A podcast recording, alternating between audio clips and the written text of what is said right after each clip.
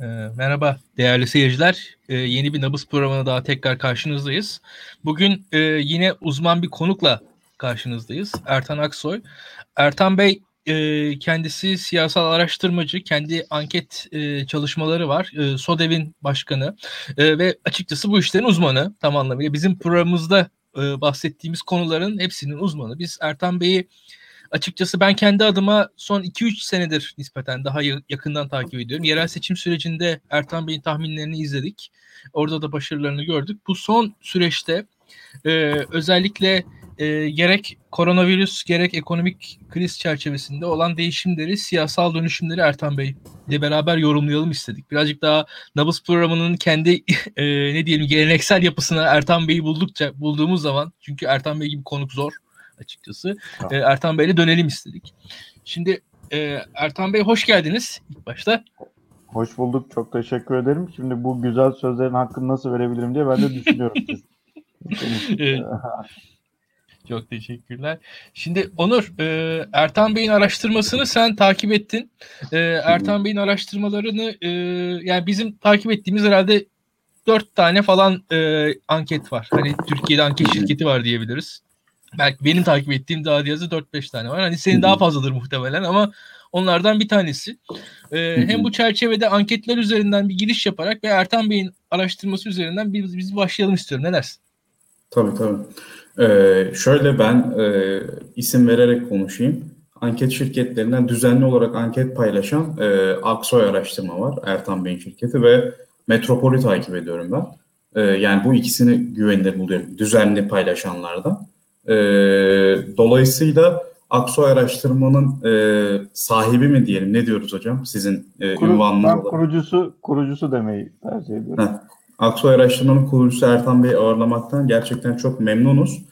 Ee, ilk önce şunu konuşmak isterim. Sizin e, yönteminiz nedir? Yani nasıl anket yapıyorsunuz? Onu bir e, bizim izleyicilerimize izah ederseniz sonra da e, en son bulgularınızı konuşalım parti sonuçlarından. E, memnuniyetle. Öncelikle küçük bir iki görevimi yerine getirmek isterim izniniz olursa. Birincisi bir, size bir teşekkür borcum var. E, çok teşekkür ederim bu davet için, bu kıymetli program için. Ben de e, gerçekten heyecanlıyım. Keyifli bir sohbet ve tartışma olacağını düşünüyorum. E, diğer taraftan şöyle tam da İlkan Bey'in e, giriş yaptığı yerden e, çok kısa geriye alarak başlamak isterim. Şimdi e, araştırma şirketleri e, daha çok seçim tahminleriyle vesaire e, öne çıkıyor. E, son seçim tahmini ve ondan öncekilerin de bizim tahminlerin çok güçlü olmasının verdiği konforla da biraz şunu rahatlıkla söyleyebilirim. Aslında hep birlikte ben de dahil veya bizim sektördeki paydaşlarımız da dahil araştırma şirketlerini bir miktar yanlış bir alana sıkıştırıyoruz. O da şu seçim tahminciliği. Araştırma şirketleri e, aslında daha anlamlı e, iş yaptığı alan siyaset stratejisi e, ve e, politika üretme açısından çok işe yarıyor. Mesela bizim şirket için şunu söyleyebilirim. Çoğunlukla e, 24 Haziran tahmini e, yani son yerel seçim tahminimiz ondan önceki tahminlerle anılıyor. Fakat aslında bizim geriye döndüğünde asıl başarımız e, Ekrem İmamoğlu'nun İstanbul'da aday olması gerektiğini bulan şirketiz. E, ve bana göre asıl e, Türkiye siyasetine e, araştırma tarafında katkı verdiğimiz alanda bu taraf. E, bu notu düşmek istedim. Bir diğer taraftan veri toplama yöntemlerimizde bizim şirketin bir miktar farklılaştığı bir e, durum söz konusu. Hem veri toplamada bir miktar farklılaşıyoruz hem de e, işleyiş açısından. İşleyişte şöyle, biz ciromuzun e, önemli bir bölümünü pazar araştırmalarından sağlıyoruz. Az bir bölümünü e, siyasi ve sosyal araştırmalardan böyle, e, elde ediyoruz. E peki niye bu kadar o zaman içine giriyorsunuz diyebilirsiniz. Valla tamamen kişisel meraktan kaynaklı. Hatta çalışma arkadaşlarım da çok da mutlu değil bu durumdan e, mütevellit ama e, ben şey yapıyorum, ilgilenmeyi seviyorum yani sosyal araştırmalarla. E, burada bizim şöyle bir e, fırsatımız oluyor. E, pazar araştırmaları çok daha yenilikçi e, işleri kapsadığı için oradaki e, halihazırda uyguladığımız e, metotların e, önemli bir kısmını e, siyasi sosyal araştırmalara da taşıyoruz. Hatta bu metotların e, yine ciddi sayıdaki bir e, bölümü pazar araştırmaları için eski ve muhafazakar yöntemlerken siyasi sosyal araştırmalar için yenilikçi kalabiliyor e, açıkçası. Hı hı.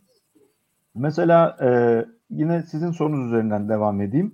Veri toplama olarak tüm yöntemleri kullanıyoruz. E, yüzde yüz şey yüz yüze araştırmalar mevcut ama bizim veri toplamamız içerisinde payı son derece düşük. E, inanılmaz limitli bir şey. Çünkü eski bir yöntem ve bana göre de muhafazakar bir yöntem. Zaman zaman şununla karşılaşabilirsiniz. Araştırmacılar yüz yüzenin dışındakine güvenmeyiz vesaire diyebilirler. Ama bence bizim e, paydaşlarımız biz muhafazakarız diyemediği için e, bunu dile getiriyor diye düşünüyorum. Çünkü dünyanın her yerinde diğer yöntemler, yüz yüze dışındaki yöntemler kullanılıyor ve dünyanın her yerinde çok başarılı sonuçlar elde edilebiliyor. E, diğer Abi, yöntemimiz Hı hı. Ee, siz devam edin hocam. Ben soru ekleyecektim de siz bitirin tamam. ben öyle çok, ekleyeyim. Çok kısa e, bitireyim burayı. E, bir diğer yöntemimiz telefon anket yöntemi. Orada çok güçlü bir datamız mevcut ve tüm illerde bunu yapabiliyoruz ki mesela e, telefonla ankete güvenmem diyen çok sayıda sosyal bilimci veya siyasetçiyle karşılaşabilirsiniz. Bizim son seçim tahminimiz e, 54.5 alması yönündeydi İmamoğlu'nun. 54.2 aldı. O tahmin e, telefon anket yöntemiyle elde edildi ve hani nasıl bir siyasi iklimde gidildiğini siz benden çok daha iyi tariflersiniz. E, buna rağmen e, başarılı oldu ve son olarak bir dijital panelimiz var. Bu araştırmayı da oradan yürütüyoruz ve çok da e, memnunuz bu yöntemden. Paneli zaten e, sizin takipçileriniz biliyordu. Biz sadece bu panel çalışmasını dijital alana taşıdık. Burada çok daha şeyler mevcut. E, yenilikçi işler yapabiliyoruz. Örneğin bir siyasi liderin bir açıklamasını e, metne döküp böyle böyle demiştir ne düşünüyorsunuz diye sormuyoruz. Doğrudan onun videosunu izletiyoruz ve ardından şimdi ne düşünüyorsun diye soruyoruz. Bu sayede o siyasetçinin beden dili, varsa öfkesi veya işte üzüntüsü, varsa hırsı, duygusu ne varsa doğrudan karşı tarafa aktarılmış oluyor ve daha sağlıklı yorumlamasının e, önünü açmaya çalışıyoruz.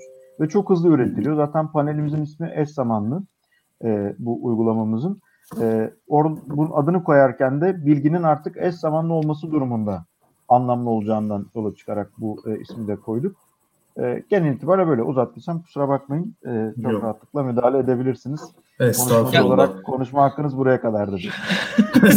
şimdi ben, ben, ee... ben bir soru sor. İlkan bir dakika ben bir soru soracağım. Ee, şimdi panel data dediniz ya panel şu, yani bizim sosyal bilimler anladığımız şu e, belli katılımcılarla uzun süre aynı yani uzun süre aynı katılımcılarla ay ay anket yapmak. Bunu anlıyorum. Sizde de bu anlaşılıyor değil mi? Yani panel evet, mesela hep aynı kişilere böyle. gidiyorsunuz ya böylece bir örneklem sıkıntısı tekrardan yaşamıyorsunuz. En başta evet, bir ve, zaten ve, örneklemimiz ve belirli oluyor. Ve bu kişiler Türkiye'yi temsil ediyor. Hem sosyolojik yani şey e, sosyoekonomik statü açısından, demografi açısından ve E, siyasal dağılım açısından. Hı hı. Yani aslında şöyle e, telefon anketleri konusunda bir ayrışma var ama bence siz şüpheleri bu şekilde gidermiş oluyorsunuz aslında. Yani ben e, sizin verilerinizi takip ederken esas motive eden şey beni panel veri olması. Çünkü zaten e, elinizde seçilmiş bir örneklem var. Siz o örneklemle devam ediyorsunuz. Her ay tekrar aramakla uğraşmıyorsunuz. E, böylece e, ayrıca anket deneyleri de mesela görüntü izletmek aslında bir anket deneyi gibi bir şey yani onu öfkelendirmek veya işte başka duyguları e, seçmende uyandırabilmek bunlar yaratıcı şeyler. E, güzel yani açıkçası bu Çok Türkiye'de araştırma sektörü için iyi şeyler bunlar. Çok teşekkür ederim. İlkan Bey beni bağışlasın. Küçücük bir şey daha sıkıştırayım araya. Onun süresinden çalıyorum. Bir şey soracaktı. Ee, şimdi bir sonraki e, aşaması bizim şey yazılımın e, şu olacak. Duygu analizi yapacak. E, özellikle belirli bir e, denek grubundan belirli bir öbeği çekeceğiz ve o öbek e, şeyi görüntüleri izlerken e, arkadaki yazılım onun izni dahilinde duygu analizi yapacak. Dolayısıyla konuşmanın neresinde e, daha dikkat kesildi, neresinde öfkelendi, neresinde güldü veya kahkaha attı bunları da analiz edeceğiz. Süper. İlkan senin sorun neydi?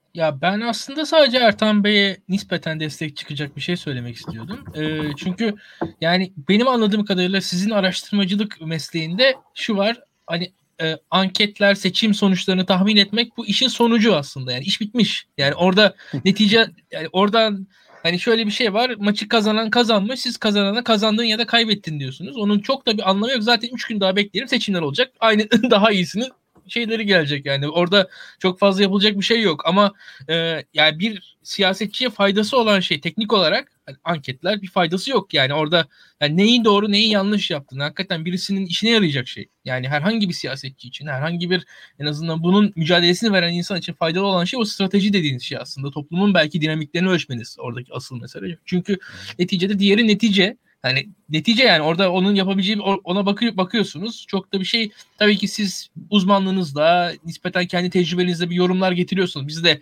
benzer şekilde aslında bir yorumlar getiriyoruz ama onun bir bilimsel şey, içeriği tartışmalı yani bence. Orada sizin strateji dediğiniz şey daha anlamlı bir şey bu anketler meselesinde. Çünkü biz hani neticede bir yerden sonra tahmin yani bir e, olasılık şeyi var. Ola tutturabilirsiniz, tutturamazsınız. Belki de şöyle bir şey var. Zaten bu meselelerde ya bu anketler manipülatif oluyor, şu oluyor, bu oluyor üzerinden tartışılıyor. Bizde yanlış bir tartışma yani. Orada çok anlamlı bir tartışma değil bence. Neyse. Gelelim, küçücük gelelim. Bir katkı verebilir miyim bu bölümü? Tabii, tabii. Kıymetli gördüğüm için. Eğer uzatırsak uyarım lütfen. Ee, mesela bu şeyde tam da İlkan Bey'in özetlediği gibi aslında seçim tahminciliğine indirgerseniz meseleyi sadece 48 saat veya 72 saat önceden daha az adrenalin salgılamanızı sağlıyor. Merakınızı e, gideriyor. E, bunun dışında pek bir somut faydası yok ama stratejiyi doğru kurarsanız e, siyasetçiye de toplumun e, ihtiyaç ve beklentilerini doğru aktarmasını sağlarsanız araştırmalar sayesinde e, bu sayede siyaset mekanizması da toplumla daha birebir gidebilir. Ve onun e, sorunlarına kafa yormak zorunda hissedebilir. Bu gerçekle yüzleştiği zaman.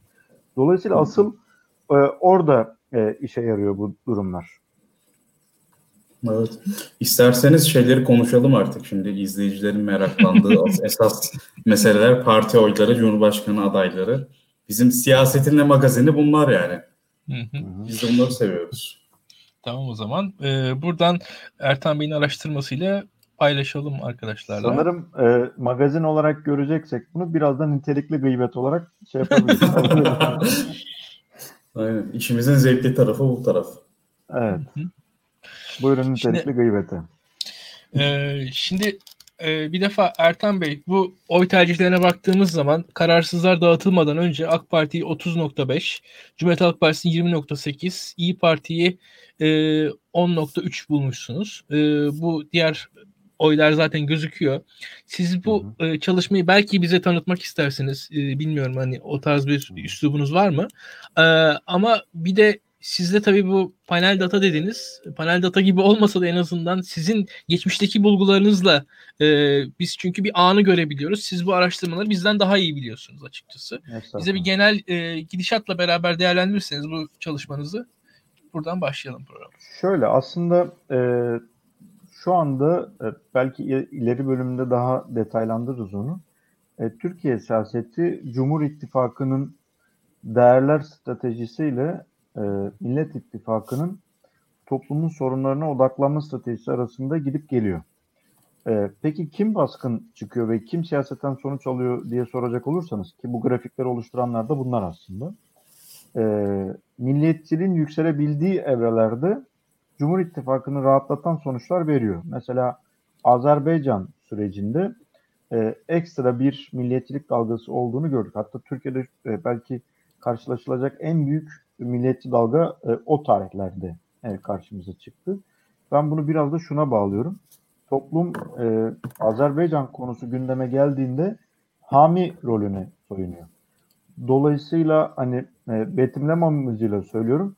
Bizim çocuğu dövmüşler psikolojisiyle hareket ediyor. Ve e, bizim çocuğu dövmüşler psikolojisi ekstra bir duygu patlaması yaşatıyor. E, bu nedenle de Azerbaycan sürecinde e, hükümetin oylarında ve Erdoğan'ın görev onayında anlamlı bir iyileşmenin olduğunu gördük. Ama bu ve benzeri süreçler aslında geçici tansiyonlar yaratıyor Cumhur İttifakı adına. E, ve o süreç bittiğinde tekrar tansiyon düşüyor aşağıya. Ben başka bir kanalda paylaştığım şeyi burada izninizle tekrar etmek isterim. Bu hükümetin sürekli e, yaratmış olduğu tansiyon ve ardından düşüşler adeta ülkeyi tansiyon hastası gibi yaptı. Sürekli bir e, iniş çıkış durumu e, söz konusu. E, şimdi tekrar yani bu karşınızdaki çalışma Azerbaycan etkisinin azaldığı dönemi gösteriyor. Mesela Azerbaycan öncesinde ilk kez Erdoğan'ın görev onayı %40'ın altına inmişti. E, son 18 yıl içerisinde ben bunun bir örneğini daha görmedim. E, o, en büyük başarılarından biri Erdoğan'ın her koşulda görev onayını %40'ın üzerinde tutmasıydı. E, Azerbaycan'dan sonra tekrar %42'ye kadar e, çıkarabildi e, görev onayını. Şimdi e, burada da partilerin oy oranları e, ekranda ama bir şey altını çizmek isterim. E, oy oran, partilerin oy oranı eskiye göre bence daha esnek olabilir. E, çünkü başkanlık sistemiyle birlikte e, partiler biraz daha ikinci plana, e, olası adaylar e, birinci önceliğe geçmiş durumda. Yani seçmenin e, partisinden vazgeçme elastikiyeti eskiye göre bir miktar daha anlamlı bir fark içeriyor. Ee, ben şunu sorayım size. Ee, şimdi baktığımızda AK Parti ile e, MHP'nin oylarına yaklaşık 38 puan yapıyor. E, muhalefetin de yaklaşık toplam oyu kaç yapıyor? Hemen hızlıca hesaplayayım. 31, e, 40. Şöyle aslında belki bir 40. sonraki Yani grafikte şey var. Dağıtılmış. Hı hı. Dağıtılmış da Ee, var. Oradan dağıtılmış. da Dağıtılmış bir sonrakinde daha e, izleyici için şey olabilir. Şöyle, olur. şöyle ama e, biz aslında dağıtılmamış üzerinden konuşuyoruz. Bizim de tarzımız o. E, çünkü çünkü dağıtınca aritmetik dağıtıyor. Yani başka türlü Yok, dağıtıyor yok, aritmetik- Genel. E, aritmetik değil. Değil Bizim, işte. e, şeyde kullandığımız Bu- ha, öyle. her şirketin kendi Ha, o zaman- şeyi var. O zaman o zaman E, onu dönelim ya. O zaman E, onu dönelim. onu anlatmayayım. E, yani ne yaptığımızı anlatmayayım ama sonucunu Tamam. yorumlayalım birlikte. Tabii. Tamam. Ya şu ben ilk önce şunu sorayım. İnsanların aslında belki merak ettiği ilk husus budur. Bu CHP ile İyi Parti'nin gidişatı konusunda büyük tartışmalar var. Bazı anket şirketlerinin bulguları şunu gösteriyor. Diyor ki CHP %20'nin bile aşağısında 17-18'e düşmüştü. İyi Parti de 15-16'ya çıkmış diyor. Ya benim güvendiğim şu an ismini paylaşmak istemediğim bazı anket şirketleri de size benzer şekilde İyi Parti'nin biraz kıpırdandığını ama CHP'nin de oyunun birazcık arttığını söylüyor. Yani ikisi de geçen seçim mesela CHP 22 idi, sizinkinde 25'e yaklaşıyor. Benim de e, duyduklarımda 25-26 civarında. İyi Parti de e, 10'dan 12-13, 14 civarına geldi şeklinde iki ayrı biraz farklılaşan bulgular var. Sizin yorumunuz nedir? Niye bu bulgu farklılaşıyor? Ee, şöyle burada birçok neden olabilir. Yani e, bir, yani sosyal bilimlerde mutlak doğruyu bulamayız. Hı hı. metodoloji farkı olabilir. Ee, belki bahsettiğiniz kararsızlar sonrasıysa orada kimisi hani ilk akla gelen aritmetik dağılımı tercih ediyor. Kimisi başka yöntemler geliştiriyor. Bir de bildiğiniz üzere bu kararsız dağıtımda dünyada genel kabul gören bir yöntem yok. Bilimsel bir Hı yöntem. hı. Benim şey Ee, kararsız dağıtılmadan bulgularda da var bu zıtlık. Yani Tamam. iki ayrı kol var yani. O, o da şöyle veri toplama yöntemiyle, e, kontrol yöntemleriyle birçok şeyle veya işte kota uyguluyor, uygulamıyor veya tam katı uyguluyor, gevşek uyguluyor. Bütün bunlar ağırlıklandırma meselesiyle birçok şeyle e, yöntemsel farklılıklardan dolayı bu ortaya çıkabilir. E, ben sizin ciddi aldığınız her şirketin gerçekten veri toplayarak e, e, yayınlayan şirketlerden olduğunu düşünüyorum aynı zamanda. Hı hı. Samimiyetle inanıyorum buna. O yüzden e, arkadan başka bir e, niyet aramanın doğru olmayacağını düşünüyorum. Bir yöntem Hı hı. farklılığı olabilir gibi geliyor bana. Ama şunu e, hani sizin e, özetlediğiniz e, süreç üzerinden ifade edeyim ben de. E, bu kadar milliyetçiliğin yükseldiği bir yerde e, İyi Parti'nin oyunun artmama ihtimali yok. E, mutlaka bir miktar oynar. Bir diğer taraftan e, farklı olarak İyi Parti'nin artık e, kamuoyu yapıcı programlarda bir sandalyesi var. Ona tahsis edilmiş. Eskiye göre. Ve bu kadar kimliğin, değerin tartışıldığı bir siyasi iklimde e, İyi Parti'nin e, daha e, etkin sonuç alması kendi içinde tutarlı bir durum e, bir taraftan. Ve diğer taraftan da şöyle. Şimdi e, özellikle hükümetin yarattığı bir şey var. E, siyasette sessizlik istikrar demektir diye. Oysa ki birçok problemin işaretidir siyasetin suskunluğu. E, İyi Parti'de tartışma olması, e, ittifak içinde tartışma olması olumsuz gibi algılansa da bence son derece de olumlu bir durum bir tarafıyla. Çünkü e, Cumhuriyet Halk Partisi ve İyi Parti arasındaki bir ittifakın veya türev partilerin destekleme ihtimali bunların her şeye aynı bakacağı anlamına gelmemeli. Hatta Hı hı. mümkünse bence aynı bakmamalı. E, herkes kendi e, temsil ettiği tabanın görüşünü dile getirmeli. Aksi halde öbüründen bir farkı kalmayacak.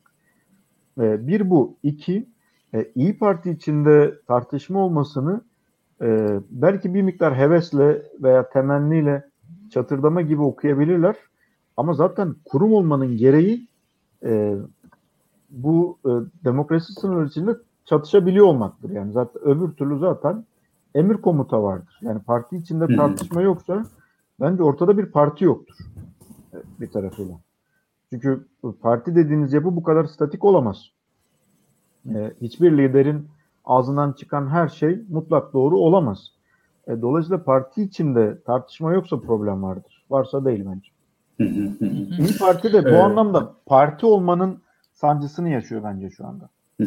Peki e, burada şu karşı argümanı getireyim. Mesela şimdi Ümit Özdağ e, ya parti içinde işte çatlakları e, neden oldu demeyeyim de yani parti içinde aykırı bir ses dile getirdi. İşte Burak Kavuncu'nun hakkında terör soruşturması soruşturulması soruşturması başlatılmasına ön ayak oldu. İşte CHP'de Muharrem İnce farklı bir rota çiziyor filan. Ee, bunlar nasıl bir algı yaratıyor sizce? Yani normalde ilk bakışta şu akıllara gelebilir. İşte bakın İyi Parti zaten bir türlü rayına oturamadı. Parti sürekli işte parçalanıyor, bölünüyor. Birileri giriyor, birileri istifa ediyor. Diğerinde de işte e, zaten 2018'de Cumhurbaşkanlığı seçimi kampanyası iyi yönetemedi CHP. Muharrem İnce bu kadar oy almasına rağmen bir şekilde e, o sürece sahip çıkamadı. Sonra Muharrem İnce'ye de sahip çıkılamadı gibi olumsuz yargılarla değerlendirilebilirken ama bir bakıyoruz ki e, sizin sonuçlarınızı ben başka sonuçlarda da benzer şeyler görüyorum. Yani yeni partilerin varlığına rağmen HDP'nin de yaklaşık oyunu korumasına rağmen hem CHP hem de İyi Parti aslında oyunu artırıyor. E, yani bu olumsuz tartışmalar belki de oyunu mu yani mesela bu tartışmalar olmasa belki daha da oy yükselecekti veya tam tersi bu tartışmalar CHP ve İyi Parti'nin gündemde kalmasını ve e, oylarını artırmasını mı sağlıyor? Burada İlkan'ın da yorumunu merak ediyorum. Şimdi şöyle e, bu e, bu bu meselede e, eğer bu tartışmayı biz geçen yıl 31 Mart seçimlerinden önce yapıyor olsaydık size yanıtım şu olabilirdi. Bu e, ayrışmalar partilere bir miktar zarar veriyor olabilir diyebilirdim. Ama 31 Mart sonrasında e, özellikle muhalif seçmen tarafında hiç olmadığı kadar motivasyon yüksek. E, çünkü sonuç alabildiğini gördü.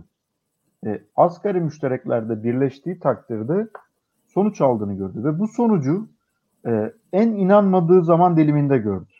Yani biz mesela İstanbul süreci için ölçüm yaptığımızda Ekrem Bey'in oyu %47'ye çıktığı dönemde e, size Ekrem İmamoğlu kazanır mı sorusuna %37'si kazanabilir yanıtını veriyordu.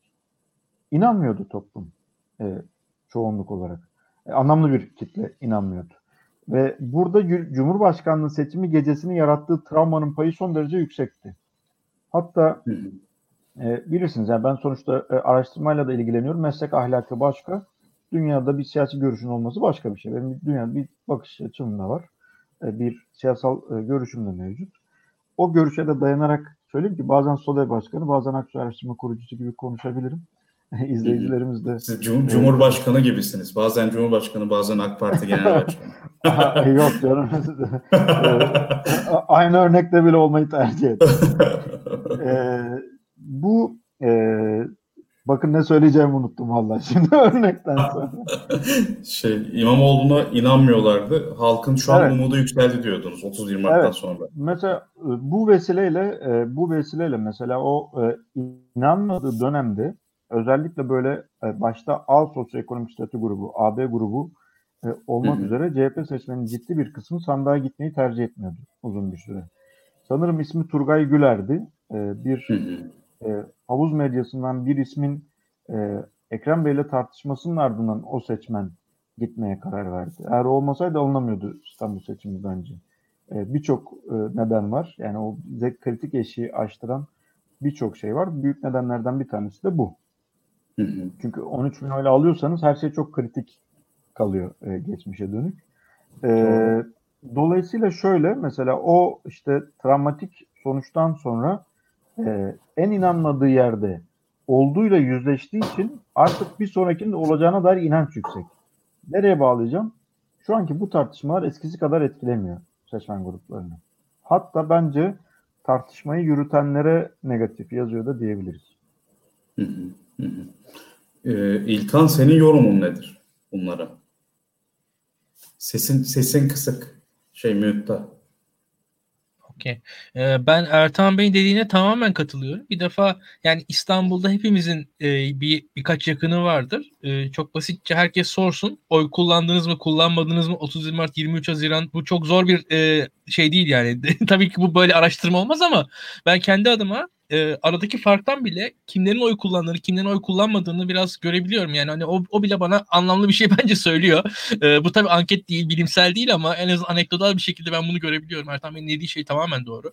E, en azından biz burada şöyle söyleyeyim, o seçim sürecinde e, yani gerçek anlamda ben kendi adıma benle dalga geçildiğini hatırlıyorum. Yani çok net ya benle dalga geçildiğini hatırlıyorum. Ben e, yani ben de işte işte Ertan Bey gibi araştırmacılara güvenerek işte 49 49 demiştim. İnsanlar şaşırmışlardı. Yani hani o zaman nasıl yani falan o öyle şeyler gelmişti. DM'den abarttığımı işte saçmaladığımı falan söyleyenler olmuştu. O zaman bu seçim sürecinde biraz öyle bir e, şey yaşamıştım yani kendi adıma da.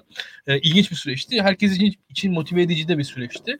E, bu son dönemki konulara gelirsek de İyi Parti e, Türkiye'de Türkiye'deki hani genel değerlerin hemen hemen hepsine oturan bir parti. Yani Atatürk, din, milliyetçilik, devlet, Türkiye, vatan hani bu, bu kavramlar hepsiyle beraber bayrak yani İyi Parti'yi yan yana getirebilirsin. İşte İslam hani İyi Parti tüm kavramlarla neredeyse e, hani hiçbir partinin olmadığı kadar iyi e, yan yana duran bir parti. Mesela yani milli takım formasıyla İyi Parti yan yana gelebilir. Çok rahat birçok şeyle Anıtkabir'le İyi Parti, camiyle İyi Parti yan yana çok rahat koyabiliyorsun. İyi Parti birçok bu tarz değerle yan yana gelebiliyor. Ama şöyle bir şey var.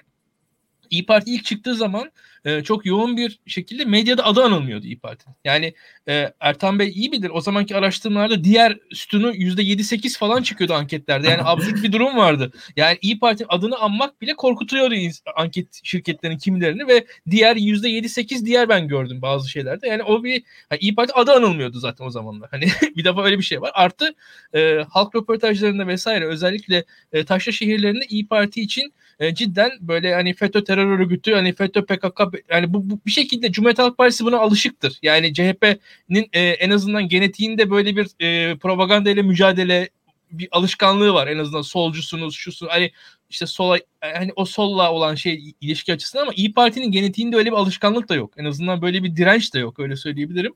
Bence bu propaganda etkili olmuştu İyi Parti muhtemel İyi Parti seçmeni üzerinde diyebilirim. Şu an artık yavaş yavaş o propaganda kalktı ki e, Bahçeli'nin çağrısını hatırlarsınız. Yani Bahçeli'nin çağrısı da bence önemliydi. Yani İyi Parti'nin yerli milli olduğunun en azından iktidar tarafından bile kabul edilmesi e, ki bir sene önce iki sene önce İyi Parti'ye e, FETÖ'cü diyen, terör diyen, terör örgütleriyle eşleştiren bir yapılar tarafından kabul edilmesi. Onun üzerinden hatta Cemal Engin Yurt'un Akşener'in kongredeki galibiyetini nasıl engellediğine dair açıklamalarını hatırlayalım. Yani e, total olarak bakılırsa yani İyi Parti'ye dair mesela İyi Parti içindeki olaylar tamam önemsiz diyeme, diyemeyiz ama İyi Parti dışından bence İyi Parti'yi olumlayan gelişmeler oldu. Yani Cemal Engin açıklamaları, Devlet Bahçeli'nin Tayyip Erdoğan açıklamaları bence İyi Parti'ye yaradı yani teknik olarak. Ee, bir defa İyi Parti'yi en azından ki Türkiye'de şey şöyledir. Türkiye'de devletin bir gücü vardır. Devletin ağırlığı var. Cumhurbaşkanı bir şey derse halk dinler. Yani apolitik halk daha fazla dinler. Yani muhaliflerin dışında diyelim bence. ve burada en azından bu e, söylemler İyi Parti'ye bir apolitik alanda bir alan açtı diye düşünüyorum. Henüz daha oradaki o alan e, da daha yolu var belki İyi Parti'nin ama şöyle söyleyeyim İyi Parti'de bir potansiyel zaten e, yani azıcık siyasete ilgilenen herkes görüyordu. Henüz o potansiyele ulaşılamadı. Yani tabii belli zaafları da var İyi Parti'nin. Onu da belki e, gelecek programlarda konuşuruz diyebilirim. Ama e, şimdi Ertan Bey'i bulmuşken Ertan Bey'in anketinde şimdiye kadarki benim son e, 6 ayda okuduğum, gördüğüm, elimden geçen tüm anketlerden farklı bir e, oran da görüyorum ben burada. Benim ilgimi çeken. Yani burada ilginç bir oran da Deva Partisi'nde var. Yani çünkü Deva Partisi şimdiye kadarki tüm anketlerde küsurattı. Şu an e, benim okuduğum güvenilir en ciddi oran sizden gelen oran. E, doğrusunu söylemek gerekirse. Yani e, bir de bunun izahı gerekiyor diye düşünüyorum. Yani İyi Parti evet. bir tarafa yani burada bir Deva Partisi olayı var. Ve bu Deva Partisi olayının arkasındaki e, sosyal dinamik Türkiye'nin hangi köşelerinden geliyor? Biraz da bunu sizden ben dinlemek isterim. Tabii memnuniyetle. Ee, şöyle küçük bir e, sizin e, açıklamanıza atıf yapmak isterim. CHP'nin e, bu manipülasyonla mücadele deneyimi birikimine e, atıf yapmıştınız. E, o kadar güzel örnekler var ki orada. Hani, olumsuz ama hani e, şimdi geriye dönüp bakınca söyleyebiliyoruz.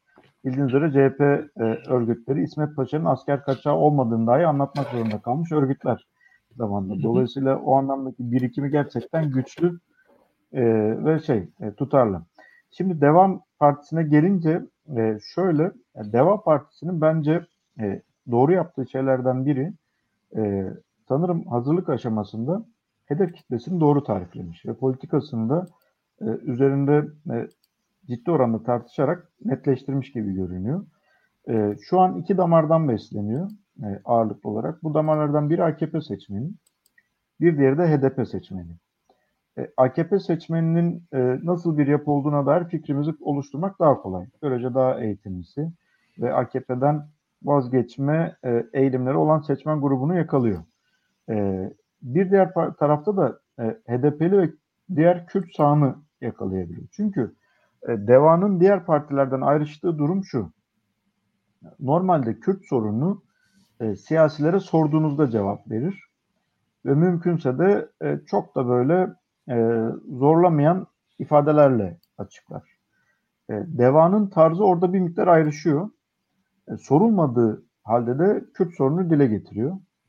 E, ve dile getirirken de ifadeleri son derece net. E, yani e, tırnak içerisinde top çevirmiyor ayağında. E, ana dilde eğitim de tartışması da olmak üzere belirli tartışmalara girme cesaretini gösteriyor. E, bunun da bir seçmen grubunda karşılık bulmama ihtimali yok. E, zamanla e, artıyor. Bir de DEVA tarafında şöyle e, bildiğiniz üzere ilk e, adı açıklandığında ve vesaire o dönemlerde yüzde birlerde ikilerde geziyordu. Bizim son ölçümlerde hiç üçün altında çıkmadı. E, genelde de böyle dörde yaklaşan üç buçuk arasında bir şeyle e, oy oranıyla şu an için oturmuş durumda. E, artar mı? Bir miktar daha bence artabilir. Çok büyük de beklentiye girmemek lazım e, o tarafta. Çünkü ilk çıkış ivmesi de bence bir fikir veriyor e, nereye gideceğine dair. E, AKP'nin geçmişini hatırlarsanız elbette ki çok da özel koşullar vardı ama çıktığı gibi büyük bir seçmen grubuyla e, girdi e, Türkiye siyasetine. E, burada da DEVA'nın e, çıkışı bence bir fikir veriyor ama hala da bir miktar potansiyel olduğunu düşünüyorum. Bir diğer tarafı da şu, DEVA için de aynı, gelecek için de aynı. E, bunların sahip olduğu oy oranının üstünde bir e, durum yaratmasının nedeni başkanlık sistemi. Çünkü herhangi bir e, gruptan, ister Millet İttifakı'ndan, ister Cumhur İttifakı'ndan 2 puan kopardığında 4 puanlık bir farka neden oluyor. E, dolayısıyla e, önümüzdeki dönemde çok daha fazla tartışacağız bu partileri. Hı hı. Benim bir sorum olacak size. Şimdi e, şu tablo anlamlı e, seyircilerimize ben bir anlatayım. Şimdi sol sütundaki parti isimleri şu demek. 2018'de oy verdiğiniz parti. Yani mesela AK Partililerin e, sol sütundan başlıyorum. İlk satırdan okumaya başlıyorum. 2018'de AK Parti oy vermiş kişilerin %77'si halen AK Parti oy vereceğim diyor. %2'si CHP diyor. E, HDP diyen yok. MHP kayan çok az %1.3. İyi Parti önemli 4.3. Saadet 0.3. Deva 1.5. E, burada tabii Deva Partisi 1.5 küçük gözükse de baktığınızda e, yaklaşık 20 milyona yakın AK Parti seçmeni var. Bu 200 bin, 300 bin oy demek neredeyse. Yani 300 bin oy da yeni parti için fena değil. Gelecek Partisi 0.8. E, kararsızlar 6.4. Oy kullanmam diyen 2. Belirtmek, oy tercih belirtmek istemeyen 3. E, bu şekilde tabloyu okumaya devam edebilirsiniz. Diğer partiler için de bu geçerli. Mesela MHP'de büyük bir erime var. %64'e düşmüş. 2018'de MHP oy veren seçmenin %64'ü hala MHP oy vereceğim diyor. Ee, bu da ilginç. Ama benim merak ettiğim soru şu. Şimdi siz dediniz ya Deva Partisi AK Partililerden besleniyor ve Kürtlerden besleniyor. Yani bu HDP'ye veya CHP'ye oy vermeyen Kürtlerden e, besleniyor dediniz. Bu AK Partiler 2018'de AK Parti'ye oy verip sonrasında kararsız konuma geçen AK Partililer mi yoksa birkaç yani Deva Partisi kurulmadan önce veya birkaç öncesine kadar halen AK Parti'ye oy vereceğim diyen AK Partililer mi? Şimdi AKP tarafında şöyle üç büyük küme bulunur bütün ölçümlerde. E, bu üç büyük kümeden e, bir tanesi zaten son derece katıdır. E, geçişkenlik e, olmaz orada. İkincisinde geçişkenlik yok denecek kadar azdır ama eleştirel tutumları söz konusudur.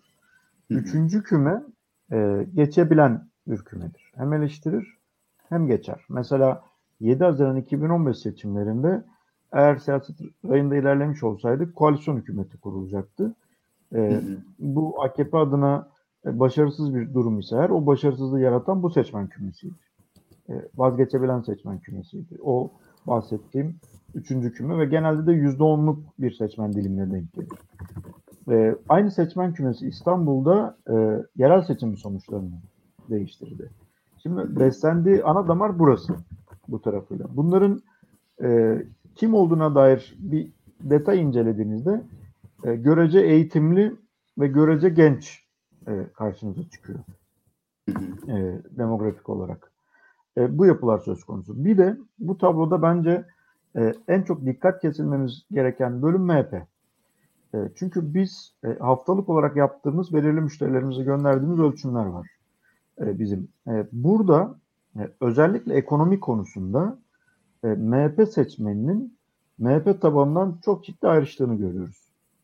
Yani şöyle düşünün, tam karşısındaki bir siyasi partinin liderinin ekonomi konusundaki açıklamasına %60, e, %65 destek verildiğinde karşılaşabiliyoruz MHP seçmeninde.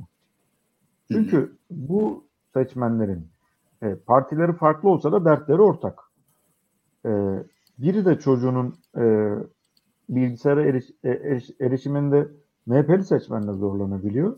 AKP'li seçmenle, CHP'li seçmenle. Dolayısıyla bunlar politikalarda ortaklaşabiliyor. Ve ben asıl e, şeyi belirleyecek olanın e, 2023'e veya daha erken bir seçime giderken asıl belirleyecek seçmen gruplarından birinde MHP seçmeni olduğunu düşünüyorum. Çünkü e, bu seçim e, iki taraf içinde büyük oy farklarıyla alınacak bir seçim değil. Yakın oy farklarıyla alınacak. Burada önemli olan şu. Mikro hedef kitleleri kim doğru tespit edecek ve kim onları ikna edebilecek? Bence MHP içerisinde de böyle mikro hedef kitleler mevcut. Ee, benim bir sorum olacak yine tekrar. İlkan sana sözü bırakmadan. Ee, şöyle, şimdi birincisi siz dediniz ya seçim yakın farklarla bitebilir. Ya benim bir teorim var bu konuda açıkçası. Doğru aday seçilirse, ekonomik şartlar kötüye giderse ve dış politikada veya terör meselesinde böyle e, sağ tarafa yaramayacak bir yarayacak bir gelişme gerçekleşmezse bence muhalefet adayının %55 alabilecek potansiyeli var.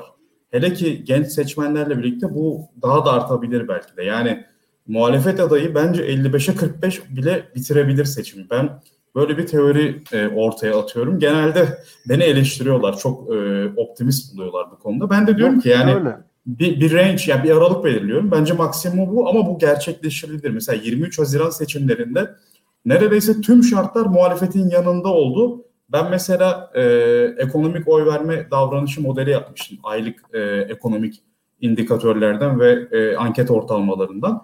Ekrem İmamoğlu 4 milyon 743 bin oy alacağını maksimum tahmin ediyordum. 4 milyon 750 bin aldı mesela. Yani onun da üstüne çıktı. Yani 7 bin çıkmış olabilir ama çıktı sonuçta. Yani bence muhalefetin yani potansiyeli az değil. Ee, siz ne düşünüyorsunuz bu konuda? Yani İlkan, İlkan'a doğru geçebiliriz. geçelim.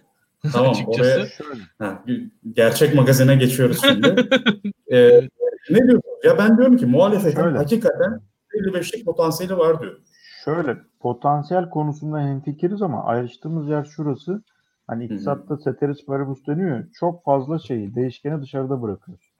Çünkü ben mesela sağ iktidarın e, her şeyi zorlayabileceğini düşünüyorum Türkiye'de.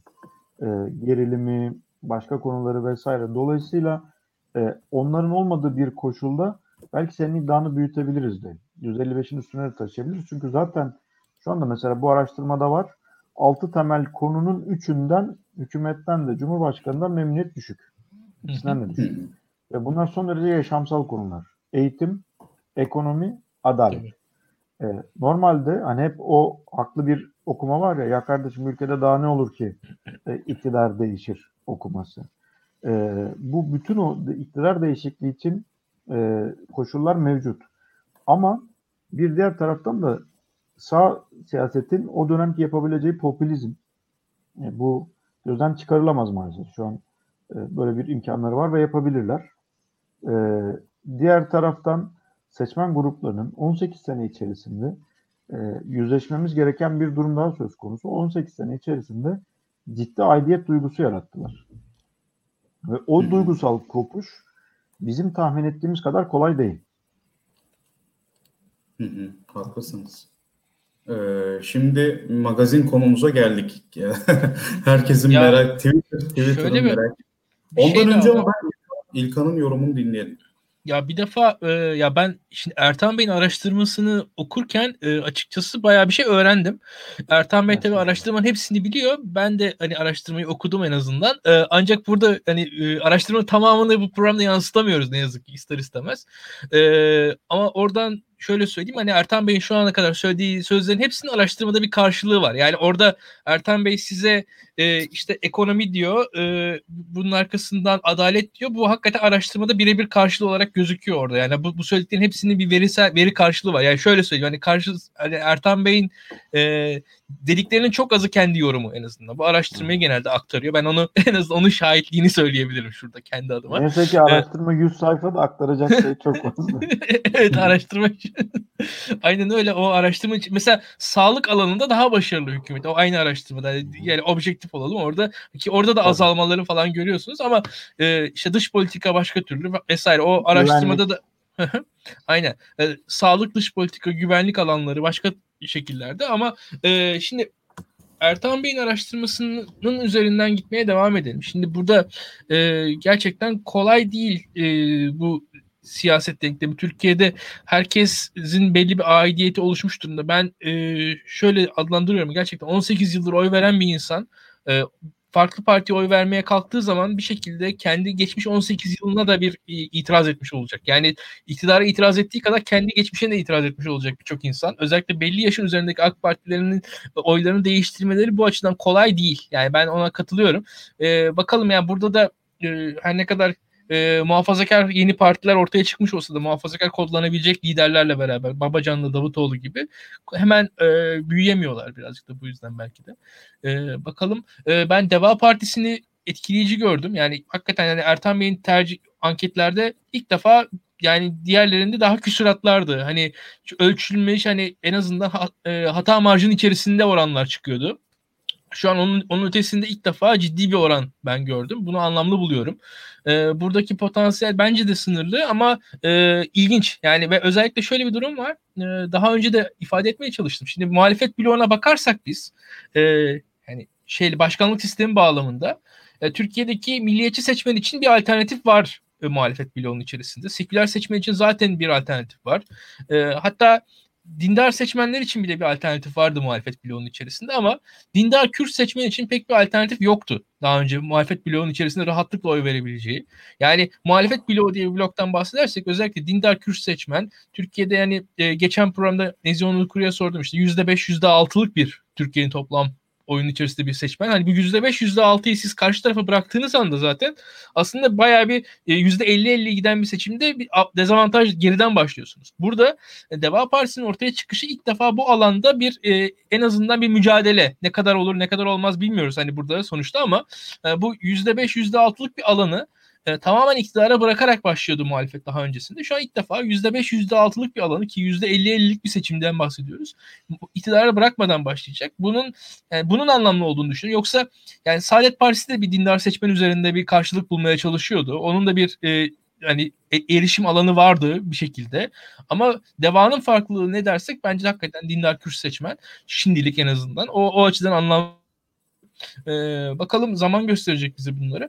E, burada benim de ilk analizim bunlar. E, şimdi Cumhurbaşkanlığı seçimi e, meselesinde aslında e, bence yine yerel seçimlere geri dönmek gerekiyor. Çünkü Tayyip Erdoğan'ın e, geçmiş 18 yılına bakıldığı zaman şahsi bir başarı hikayesi var. Seçimleri kazanmış Tayyip Erdoğan. Öyle ya da böyle kazanmış seçimleri.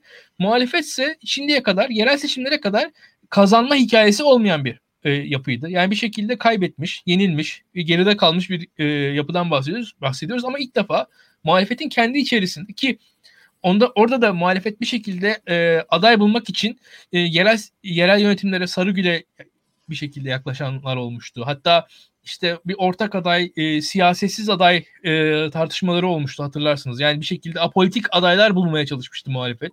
E, Tayyip Erdoğan karşısına çıkartmak için. E, e, Ekmettin İhsanoğlu vesaire gibi bunlardan bahsedebiliriz aslında. E, en sonunda kendi içerisine e, CHP döndü. Burada Muharrem İnce ile beraber bir deneme yapıldı. Bunda da yerel seçim galibiyetleri geldi. Şimdi e, muhalefetin aday seçimi e, bu gelecek Cumhurbaşkanlığı sürecinde e, sizce hangi kriterler üzerinden gerçekleşmeli? Yani e, sizin gözünüzde mesela şöyle söyleyeyim. Yani Ekrem İmamoğlu'nu siz araştırmacı olarak bir şekilde önerdiğinizi söylüyorsunuz. Hiç kimsenin hakkında olmadan ki ben birazcık CHP e, içerisinde sizin kadar olmasa da duyduğum kadar iki yıl öncesinden konuşulan bir isim. O zamanlardan CHP içerisinden İmamoğlu hani belki Şeyi ek, ekleyebiliriz. Mesela bu Kadir Topbaş'ın ardından mecliste yapılan seçimde Mevlüt Uysal'ın karşısına CHP'nin adayı Ekrem İmamoğlu'ydu. Yani AK Parti meclis çoğunluğu olduğu için Mevlüt Uysal seçildi ama Ekrem İmamoğlu zaten o günlerden belliydi yani İBB için aslında. Tabii. Yani, yani CHP'nin CHP'nin kurumsal kimliğinde o bilgi vardı o araştırma. O, o acaba sorusu soruluyordu İmamoğlu'nun şahsında. Yani ben benim de açıkçası birkaç belediyelerde çalışan arkadaşlarım üzerinden duymuştum. Ben de yani çok da derin kulisler değil yani onlar. Ama orada da o, o insana CHP'liler konuşuyordu bunu. Medya konuşmuyordu o sırada. Ee, şu andan da gelecek için sizden bir perspektif duymak istersek. Yani farklı farklı tezler var burada. Mesela işte siyasetsiz aday olsun. Herkes kendi parti, her parti kendi adayını çıkarsın. Ortak aday çıksın. Cumhurbaşkanlığı seçimlerinde mesela muhalefette siz nasıl bir strateji önerirsiniz? Yani tüm muhalif partiler ayrı ayrı adaylarla mı çıkmalılar? Ortak bir apolitik aday mı çıkmalı? Yoksa ortak bir politik aday mı çıkmalı? Genel başkanlar mı aday olmalı? Nasıl seçilmeli sizce aday? Evet. Şimdi e, izniniz olursa çok e, bir şey küçük bir detayı paylaşmak isterim. Aslında belki baştan da e, ne kadar doğru ifade edebildim bilmiyorum ama e, Ekrem Bey'i e, araştırma verileri sonrası öneren şirket biziz. Ama Ekrem Bey'in adaylığına karar veren biz değiliz. Tabii. Biz sadece o karar sürecini veriyle besleyen şirketiz. Ve bunu yaparken de e, asıl belki şey e, somut faydamızın olduğu alan şu. E, bilinirliği veya oy verme oranı %16 çıkan bir adayın e, toplumun beklentileriyle ve toplumun belediye başkanı e, profili olarak neyi düşündüğüyle örtüştüğünü gösterip e, %50'ye kadar gidebileceğini anlatmıştık. Dolayısıyla biz o zaten e, alınmaya yakın olan kararda da bir tamamlayıcı unsurlardan bir tanesiydik. E, şimdi bu tarafa geldiğimizde de e, izniniz olursa isim tartışmasına girmeden tam da sizin söylediğiniz gibi gereklilikler üzerinden, kendimce görebildiğim gereklilikler üzerinden e, şey yapayım. Ki elbette ki her şey gibi bu da tartışmaya açıktır. Sadece benim e, düşüncelerimi kapsıyor kişisel olarak. Bir kere şöyle bir durum söz konusu. Siyasette 20 yılda bir yaklaşık olarak kuşak dönüşümü gelir. Dolayısıyla e, olacak adayın e, kim olduğundan bağımsız profilinin yeni kuşağı da temsil eden bir aday olması gerektiğini düşünüyorum ben. Çünkü e, önceki kuşak kaldığı takdirde bir genç aday diğerini daha fazla zorluyor. E, böyle bir rekabet avantajı veriyor. İki, gençleri yakalayacağım derken karikatürize bir durum çıkmıyor genç görece genç aday olduğumuzda. İstanbul seçimlerini hatırlayın. E, Binali Bey'i kendi haline bıraksalar çok daha başarılı götürecekti bence. Danışmanların etkisiyle gencecik çocukların yanında karikatürize ettiler e, adamcağız. Dolayısıyla e, kuşağa benzeyen değil, gençlere benzeyen değil, gençleri anlayabilen, onların dilini yakalayabilen, kendi düşüncelerini aktarabilen kuşaktan olması lazım. Bir diğeri şu, e, inanç konusunda e, ki Türkiye soluna bence dayatılmış en büyük ezberdir bu. E, adayın muhafazakar olması, işte milliyetçi olması vesaire falan. Bana göre hiç bunlara gerek yok. E, Türkiye solu veya sosyal demokratları adına çıkacak adayın e, inançlar konusunda, değerler konusunda kör olduğunu hissettirmesi kadar etkin bir sonuç olmaz. Dolayısıyla kimlik tartışan, inanç tartışan değil. Tam tersi bunları zenginlik olarak kabul ettiğin samimiyetle aktarabilen bir adayın e, olması lazım. Ve bu konuştuklarımız kadar hayati bir konu daha söz konusu. O da şu. Mesela şu son aya kadar bizim ölçümlerimizde sorunları sorardık. Seçmen birebir sayardı ülkede ne sorun varsa. Mesela Nezi Onur e, Onur'a sorsam e, ülkenin sorunları nedir diye o bana ne sayıyorsa e, seçmen de aynısını sayıyordu. Fakat bir fark daha mevcuttu. E, kim çözer bu sorusunu? Baskın oranda Erdoğan geliyordu yine. Hı-hı. Şimdi o durum kırılıyor. Çünkü bunu söylemesinin nedeni seçmenin kendi kafasında şöyle kodluyor seçmen. Ya bu bir kere yaptı diyor ki ben yaptığına katılmadığım açık. E, bir kere yönetebildi diyor bir daha yönetebilir diye bakıyor. Veya bu sorun varsa da e, çözebilir diye bakıyordu. Şimdi o inanç azalıyor giderek. Bunu niye anlatıyorum? Şu nedenle. E, aday çıkacak kişinin de topluma yönetebileceğine ikna edebileceği bir aday olması lazım. Toplumu ikna edebilecek bir aday olması gerekiyor. Bu nedenle de yönetim alanında rüştünü ispat etmiş bir aday olması gerekiyor. E, bana göre genel olarak profil bu. E, bu, bu. Bu üç temel üzerine kurulu olması lazım. Yani bir kuşak olarak yakalanması gerekiyor. İki, insanların inancını, etnik aidiyetini yaşamının hiçbir evresinde sorgulamış, e, onlara karşı bir e, zedeleyici açıklaması olmayan, hatta sadece açıklama değil, bence dünya görüşünün de e, böyle olması lazım. Çünkü samimiyetle aktarabilmesi gerekiyor karşı tarafa. E, ikna edebilmesi lazım. E, ve diğer taraftan da yönetebilme anlamında rüştünü ispat etmiş bir e, isim olması gerekiyor. Çünkü evet. e, sorunlar yaşamsal sorunlar. Yani e, insanların çocuğunun insanlar çocuğun eğitim aldığı eğitimin kalitesinin düştüğünün farkında. E, diğer taraftan ülkede adalet meselesinin son derece problemli olduğunun farkında. E, ekonomik krizin geçici bir krizden öte giderek yapısal bir soruna dönüştüğünün farkında. Mesela e, önceki ölçümlerde dolar 5 TL iken e, bu değer kaybının nedeni nedir diye sorduğumuzda dış mihraklar %43 çıkıyordu. E şimdi 17'ye kadar geldi 8 olunca. Dış mihraklar. E, haliyle bunun giderek toplum bir yapısal sorun olduğuyla da yüzleşiyor. E, bu nedenle de ekonomi yöneteceğini ikna etmesi ana konulardan bir tanesi. Ee, peki burada tekrar istersen İlkan şeye de dönebiliriz. Ee, az önceki isimlere biraz isim konuşalım. Ee, çünkü e, seçim yaklaşıyor ve artık e, muhalefetin yapması gereken şey şu bence. Yani illaki kamuoyunu açıklamak zorunda değil muhalefet partileri fakat bir isim üzerinde yavaştan çalışmalılar ve bir kadro üzerinde de çalışmalılar. Ki hazırlıklı olunsun yani Türkiye'de her an erken seçime de gidilebilir bir bahçeli faktörümüz de var. Ve Cumhur İttifakı'nın da çatırdama senaryolarından bahsediyor. Her ne kadar e, liderler şu an Cumhur İttifakı üzerinde e, tekrar tekrar e, vurgu yapsalar da Türkiye burası olabilir yani ayrışmalar. Ben, çat, çatırdama ihtimalini biraz e, düşük görüyorum. Şuna ben de öyle görüyorum. görüyorum. Siz, ne, siz neden görüyorsunuz? Benim gerekçem şu. Hükümetin e, MHP'ye ihtiyacı var. MHP'nin ise konforu yerinde. Hı hı. Evet. evet. Küçücük bir oy oranıyla iktidar ortağı şu anda. Dolayısıyla hı hı. E, bir taraftaki ihtiyaç, diğer taraftaki konfor bence ayakta tutmaya yetecektir. Doğru, haklısınız. Peki isimlere dönersek, e, şimdi sizin anlattığınız az önceki Cumhurbaşkanı profili mesela daha çok e, Ekrem İmamoğlu ve Ali Babacan'a uyuyor gibi mesela. Yani genç işte yeni nesille konuşabilen, daha sakin e, ve yönetim konusunda işte rasyonel adımlar atabilecek isimler olarak baktığımızda kuşak değişimiyle birlikte e, bu boomer kuşağından işte hangi Y pardon X kuşağı oluyor. X kuşağındaki isimler işte 65, 64 ve 82 arası nesildeki siyasetçiler burada öne çıkan Ekrem İmamoğlu ve Ali Babacan. Ama İlkan istersen anketi yansıt Mansur Yavaş'ın ve İmamoğlu'nun ilk çıktığı anketi. Tabii. Ama baktığınızda e, Mansur Yavaş %49'la Ekrem İmamoğlu'nun 5 puan önünde. Şimdi benim şöyle bir teorim var. Ee, biz az önce yaptığınız hani aday profilini 2019 yılı için konuşabilirdik. Ama 2020 öyle bir yıl oldu ki 2020'de insanların en temel endişeleri tavana vurdu. Yani e, can güvenliği koronavirüs e, şartlarında öne çıktı ve insanlar otoriter ya otoriter demeyeyim de güven veren e, bir baba figürüne bence e, sığınmaya başladılar. İşini yapan, onlara güven telkin eden, bir şekilde e, onları sahili selamete çıkarabileceği imajını oluşturan bir adaya yönelmeye başladılar. E, ve Mansur Yavaş bence e, bu figürü Türkiye siyasetinde biraz temsil eden bir konuma oturttu kendini.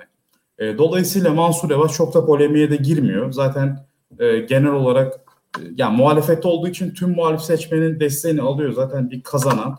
2009 e, yerel seçimlerinden beri kamuoyunda bildiği ve Melih Gökçe'ye karşı yanında durduğu bir isim.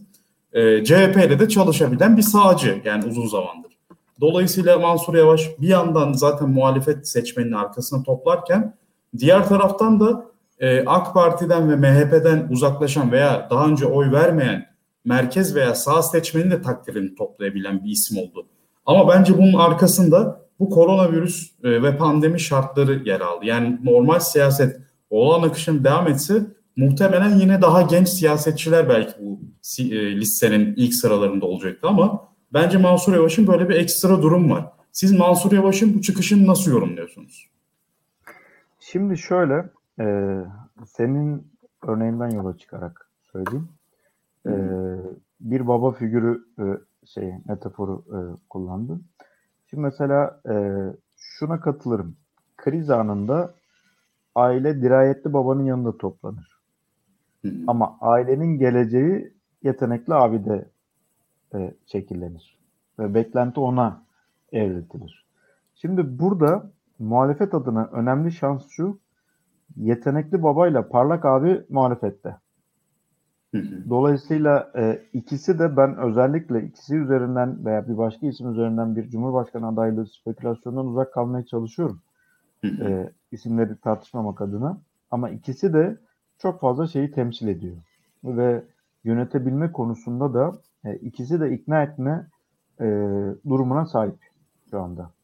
Ve ikisi arasında da dönemsel olarak birinin öne geçtiğiyle karşılaşıyoruz. Mesela şu anki tabloda Örneğin Ekrem Bey 3.4 puan önde Erdoğan'a göre. E, Mansur Bey de 9.5 puan kadar önde. Ama mesela hmm. geçen yıl e, sonunda yaptığımız ölçümlerde Ekrem Bey'in 11 puan kadar fark açtığını da gördük biz. Hmm. Hatta 11 küsürü de var. E, dolayısıyla şu e, pandemi dönemini Mansur Bey de çok verimli kullandı. E, diğer şeylerde hatta verimli kullandı da yanlış bir ifade sorumluluklarını doğru yerine getirdiler ikisi de.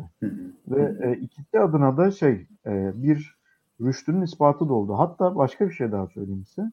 Mesela şu anda eğer biz hükümet adına e, bir yönetebilme e, ihtimalinde, iyileştirebilme ihtimalinde düşüş, muhalefet adına görece bir iyileşme olduğunu iddia edebiliyorsak pandemi sürecinin bunun etkisi çok yüksek. E, çünkü orada bizim yaptığımız ölçümlere göre toplum belediyeleri önden giden, hükümeti ise belediyelerin de etkisiyle daha fazla çalışmaya çalışan bir yapı olarak tarif ediyor toplum. E, belediyelerin bu anlamdaki öncü ve fedakar tutumu e, şeyi açtı, yani durumu açtı. Burada bir diğer detay şu, belki tam aslında sorunuzun yanıtını oluşturan, pandemi dönemi e, duygusal patlamanın yaşandığı bir dönem. Hepimiz tahmin ediyorum ki sizler de aynı e, öyle bir zaman diliminden geçtik ki evinde yediğin yemekten utanıyorsun. Acaba bir başkası bulabiliyor mu ekmeğini diye. Şimdi çok sayıda e, gündelik olarak gelirini sağlayan, günlük olarak çalışarak karnını doyuran çok sayıda insan şimdi ne oldu e, kaygısını taşıyorsunuz. Tam o duygusal patlamanın olduğu dönemde e, Mansur Bey e, sorumluluklarını da yerine getirerek toplumda önemli bir beğeni elde etti. Ve şu ana kadar da koruyor e, bu beğeni.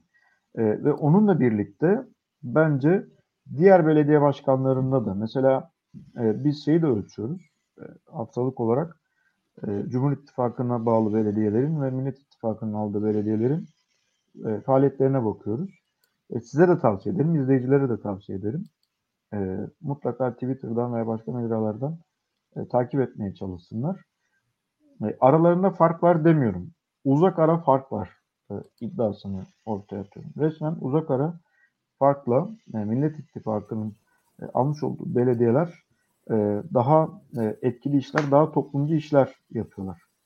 E, işte bütün bunların hepsi e, aday kim olur sorusunda önemli açıklayıcı durumlar yaratıyorlar. Çünkü aday diyelim ki belediye başkanlarından biri veya bir başkası oldu. Günün sonunda e, aday kim olursa olsun Ekrem İmamoğlu'nun biriktirdiği itibar sermayesi de onun bir sermayesi olacak. Mansur Yavaş'ın biriktirdiği itibar sermayesi de onun bir sermayesi olacak. Tunç Soyer'in biriktirdiği de aynı şekilde. E, onun itibar sermayesi. Hatta o dönemde belki farklı olarak şu olacak. İlk kez 11 büyükşehir muhalefette olduğu için en azından hükümetin baskın billboard kullanımının önüne geçilmiş olacak. Yani evet, Türkiye yani, nüfusunun %50'si şu an muhalefet belediyeleri tarafından yönetiliyor. Bu çok aslında tabii ve, takdire şayan bir gelişme muhalefet için ama pek at, yani kamuoyuna dile getirilmiyor. Evet ve gayri safi milli hasılanın da %70'i buralarda e, üretiliyor. Bu kentlerde üretiliyor. Hı hı. Biliyorsunuz ki önceki seçimlerde seçime gidildiğinde muhalefet billboardda yer bulamıyordu. E, var demek için bir iki tanesinde ölü noktalarda yer veriliyordu. E, daha çok iktidarın e, şeyleri, e, çalışmaları oralarda oluyordu. Hatta ben takılıyordum yani muhalefette kalan tek seçenek kuşlama yapmak herhalde biliyorsunuz. E, okullarda yapılırdı kuşlama çalışması. O kalıyor galiba geriye. Özetle şöyle yani muhalefet adına e, tamamen toz pembe bir tablo çizmek istemem. Ama eskiye göre çok daha anlamlı iyileşmeler söz konusu. E, çok daha vatandaşa hem yönetebileceğini ikna eden hem vatandaşın yaşamına dokunan e, işlerle toplumun karşısında. Mesela bu çalışmanın sonunda vardı. E, grup konuşmalarından e, içerik analizi yapmıştık. E, orada e, göreceksiniz yani iktidarın e, kullandığı şeyler, e, ifadeler, daha doğrusu konuşmaların içeriğine baktığınızda e, iktidarınkinde şununla karşı Türk diyor, işte düşman diyor, e, efendim yabancı diyor vesaire vesaire. Yani toplumun gündeminden uzak e, şeyler, e, hı hı. ifadeler. E, muhalefetinkine baktığınızda para diyor, iş, işsizlik diyor, esnaf diyor, eğitim diyor. Bazen bilgisayarın çıktığı oluyor. Yani dolayısıyla toplumun gündemi neyse buna daha konsantre, daha bağlı gidiyor. Ve ana e, sorumluluklarından biri olan toplumun sesi olma görevini yerine getiriyor. Bütün bunlar bir araya geldiğinde daha umutlu. Evet şu an ekrana geldi mesela. Baktığınızda Azerbaycan, Ermenistan, mücadele, Dağlık, Karabağ, meslek, devlet, millet, terör, Türk, Kıbrıs, işgal, hükümet. Yani Anadolu'da benim çok şey e, önemsediğim bir kavram var. Ee, bir geri almanızı rica edeceğim onu. Ee, Anadolu'da şöyle tarif eder vatandaş. Bu anlattıkların iyi hoş da mala davara faydası ne der mesela. Yani onun için şey benim gündeki yaşamıma ne, ne katacak bu söylediğim anlamında. Şimdi Anadolu'daki yurttaş gözüyle bakalım. Şu kullanılan e, şeyin, e, ifadelerin, yapılan konuşmanın vatandaş tarafında mala davara faydası ne kardeşim? Bir sonrakine geçtiğimizde aslında tam da e, onun e, ihtiyaçlarının dile geldiğini görüyorsunuz. Para, esnaf, eğitim, borç, halk, liraya vurgu var, vergilere şey var, e, sosyal e, ifadesi geçiyor, adalet geçiyor. E, dolayısıyla e, toplumun gündemine e, çok daha bağlı bir e, muhalefet gündemi olduğunu söyleyebiliriz eskiye göre.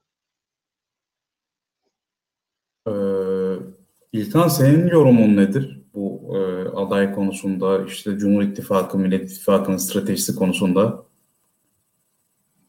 Sesini açman lazım. Ben burada moderatörle iyi alıştım. Ta kamera arkasına geçeceğim bu yayının sonunda. Rakamlarla oynamak daha güzelmiş. Ee, şöyle söyleyeyim ben. E, Ertan Bey'in yorumlarına genel olarak katılıyorum ve e, şu an pandemi sürecindeyiz. Pandemi sürecinde mesela yeni kurulan partileri de hani hep eleştiriyoruz bir yandan da hani o, o partilerin en büyük dezavantajları pandemi süreciydi diye düşünüyorum ben. Yani bir yandan da e, çünkü en basitinden e, yani medyanın durumu belli Türkiye'de. Medyaya iktidar hakim. Muhalefetteki partilere sokağa inin diyoruz en basitinden. E, e, sokağa inmeleri yasaklandı şu anda muhalefetteki partilerin. Sokakta yani bir şey yapamıyorsunuz zaten. Yani toplanmak yasak. Bu yürümek yasak. İşte maskeler takmak zorundasınız. Zaten temas diyorsunuz. Yani Hasan Celal Güzel şu an yaşasa muhtemelen yani polis ceza kesip dururdu yani eski siyasetçilerden. E şimdi bu noktaya geldiğimiz zaman e, diğer muhalefet partilerinin biraz e, Cumhuriyet Halk Partisi'ne göre bu açıdan dezavantajı var. Çünkü CHP'nin elindeki belediyeler olmasaydı bugün işte korona rakamlarını falan da hasta sayılarını, vaka sayılarını gördük işte. E, belediyeler elinde olmasaydı muhalefetin bu rakamlar bile belki de açıklanmayacaktı. Şu an son bir yılda özellikle korona sürecinden sonra elde kalan muhalif en e, temel unsur e, belediyeler. Çünkü e, siz sokakta siyaset yapmanız teknik olarak yasaklanmış durumda hemen hemen. Zar zor işte insanlar yapabiliyor. O izinler, saatler sınırlı, şunlar bunlar. E, illerden illere gidiş yasaktı Türkiye'de aylar boyunca yani baktığınız zaman. E, ve e, burada medyaya iktidar hakim.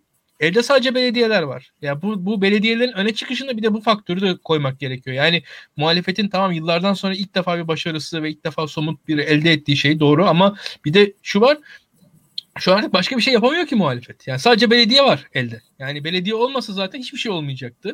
Ee, bu da tamamen bizi belediye odaklı bir muhalefet e, çerçevesi düşündürmeye itiyor diye düşünüyorum ben e, birazcık da.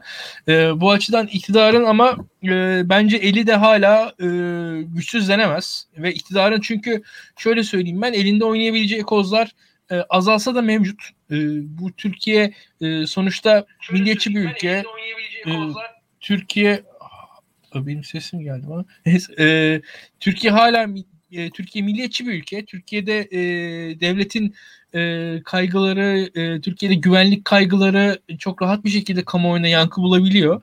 E, bu açılardan iktidar kendini anlatacak yollar gene bulabilir diye düşünüyorum ben. Tabii burada da şu var, e, muhalefetin buradaki meselesi şu, e, gündemi olabildiğince kendisi belirlemesi gerekiyor. Gündemi iktidar belirlerse o gündemde muhalefet iktidarın yanında yer alsa da karşısında yer alsa da e, ne kadar etkili olur ben bilemiyorum. Yani gündemi belirleme kabiliyeti muhalefetin başarısını belirleyecektir diye düşünüyorum. Çünkü iktidarın gündeminin peşinden koşturduğu zaman yani bir şekilde yani Libya'daki harekatta e, Hafter'i desteklerken işte şunu yaptın bunu yapmadın tartışması yaparak muhalefet kazanamaz hiçbir şey diye düşünüyorum. Buradaki muhalefetteki temel kriter e, söylem açısından gündem belirleme olacaktır.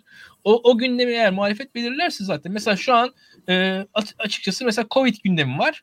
Covid gündeminin kendisi muhalefet açısından başarıdır. Buradaki mesele e, sayılar değildir yani bence. Daha ziyade gündemin buraya gelmiş olması, gündemin bu somut konu üzerinden e, gitmesi bir başarıdır. Yoksa buradaki mesele zaten hani teknik olarak iktidar da insanların ölmemesini istiyor. Muhalefet de insanların ölmemesini istiyor. Aslında burada bir e, pozisyon farklılığı olmaması gerekir ama konunun bu olması muhalefetin başarısıdır diye düşünüyorum ben. E, muhalefetin konuyu bir yere getirmesi, getirmesi veya getirememesi başarısını belirleyecektir. Ee, ben saatim yani bir saati de geçtik. Ee, çok yayınlarımızı artık uzatmamayı e, kendi aramızda karar aldık. Siz de yormak istemeyiz. Şunu merak ya. ediyorum en son. E, verilerin yani bizle paylaştığınız verilerin söylemediği bir soru sorayım size. E, muhalefet bir şekilde 2018'de oy vermeyen seçmene ulaşamıyor mesela. Benim bildiğim bu. E, bunun gibi muhalefetin ulaş aslında ulaşabileceği fakat ulaşmakta zorlandığı yani muhalefet derken herhangi bir muhalefet partisinden bahsediyorum. AK Parti ve MHP'nin dışında kalan Zorlandığı seçmen grupları hangileri? Bu ilk sorum olsun. İkinci sorum da e, genç seçmen yani e, 18 ila 29 yaş arası seçmenin ve bu yeni yani yeni oy verecek seçmen ne diyelim işte biz ona 18 20 22 yaş arası mesela seçmen. E, bunların tutumları nasıl sizin anketlerinizde? E, bir doğru anlamak açısından şeyi sormam gerekir. Ulaşmaktan kastınız siyaseten karşılık bulması mı yoksa iletişim araçları üzerinden e, sesini ona duyurabilmesi tartışması mı? Şey oy oy konusunda yani oy alamadığı diyelim. Şimdi aslında bunun en somut örneği bence gençlik. Ee, yani Hı-hı. muhalefet niye somut e, oy alamıyor meselesinde. Bence temel meselelerden biri gençlik. Neden? Şimdi mesela sizden bunu da rica ediyorum. Lütfen par- muhalefet partilerinin e, seçim bildirgelerine bakın. E, programlarına bakın. E, gençlikle ilgili ne vaat ediyorlar? Mesela biz e, Sosyal Demokrasi Vakfı'nda bir gençlik araştırması yapmıştık. E, o araştırmada birkaç temel bulgumuz vardı. Gençlerin en temel sorunlarının başında düşünce özgürlüğü geliyor. E, ikinci sırada fırsat eşitsizliği geliyor. E, üçüncü sırada işsizlik ve işte reel ücretlerin düşüklüğü diye devam ediyor. Bu kadar makro sorunları var iken gençlerin partilerin seçim bildirgelerine bakın gençlere ne vaat ediyorlar biliyor musunuz? 4 GB internet. Şimdi e, bu, bu buradan yakalama ihtimali var mı? Yani 4 GB internette özellikle söylüyorum çünkü internet vaat ediyor işte ücretsiz internet paketi vesaire diyor. E, burada sorun şu. E, muhalefetin her söylediği ister televizyondan ister sosyal medyadan bence seçmenin çok büyük çoğunluğuna gidiyor. Ezici çoğunluğuna e, gidiyor. Burada mesele şu. Doğru politikayı geliştirebiliyor mu geliştiremiyor mu tartışması. Gençler bunun en somut örneği. Sabah akşam şu an genç konuşsanız e, bu konuştuğumuz her şeyden daha kıymetli. Birkaç açıdan kıymetli. Bir, siyasetçi sorumluluğunu yerine getiriyor. E, ülkenin gencinin derdini iletmeyen bir siyaset neyi konuşacak bir tarafıyla? Bu sorumluluğunu yerine getirmiş olur. İki, gençlik üzerinden ürettiğiniz her şey politika e, ailelerini de yakalıyor. Çünkü aslında her çocuk o ailenin hayali. Gelecek hayali. Dolayısıyla bugünkü koşullar çok sayıda ailenin e, hayallerini çalmış durumda. Gençler üzerinden. Ve gence dair anlattığınız her şey gençten daha çok anne babaya da gidiyor olabilir. E, bu bilimsel olarak da desteklenebilir. Mesela pandemi döneminde özellikle yaşlılar için üretilen her politikanın biz gördük ki asıl onların çocuklarını e, yakalıyor. E, yaşlılar için geliştirdiğiniz her şey. E, burada da aynı şekilde e, genç için ürettiğiniz her şey gene onun ebeveynlerini, büyüklerini de daha fazla yakalayacaktır. Burada muhalefetin e, gözden geçirmesi gereken süreçler olduğunu e, sizin meselenizde de söylemiş olalım.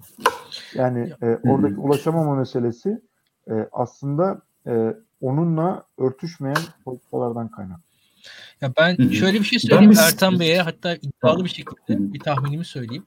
Muhalefetin en ulaşamadığı seçmen kitlesi muhtemelen e, işte 40 yaş üzeri eğitim seviyesi nispeten düşük kadınlardır. Yani muhalefet bu kitleye ancak çocuklarını ikna ederek bu kadınlara ulaşabilir diye düşünüyorum. Çünkü bu muhalefetin bu kadınlara doğrudan ulaşma şansı teknik olarak sokakta yok. Yani çok fazla sosyal hayatta değil bu kadınlar. Bu kadınlar hani e, muhaliflerin siyasal şeylerini ta- takip eden e, alışkanlıkları yok. E, bir şekilde merkez kanalları izliyorlar. Bu kadınları ikna etmesinin tek yolu muhalefetin bu kadınların çocuklarını ikna etmektir. Başka bir ikna yolu yoktur diye düşünüyorum. Çok doğru. Üstelik güven eşikleri son derece şey e, zorlu olduğu için o güven eşiğini aşmanın en iyi yöntemi de çocuğu. Çünkü çocuğun dediğini sorgulamaz. Yani çocuğunu ondan daha iyi okuyan, daha iyi düşünen e, olarak kabul ediyor ki nitekim öyle de büyük oranda e, tarif ettiğimiz kitle. Ve o eğer buraya oy vereceğiz diyorsa en az sorgulayacağı kişi de yine çocuğudur. Ee, şöyle o zaman farklı bir grup için bir soru sorayım. Ben mesela İstanbul seçimlerini detaylı detayıyla inceledim. Tahmin yapmak için mahallelere artık indim yani.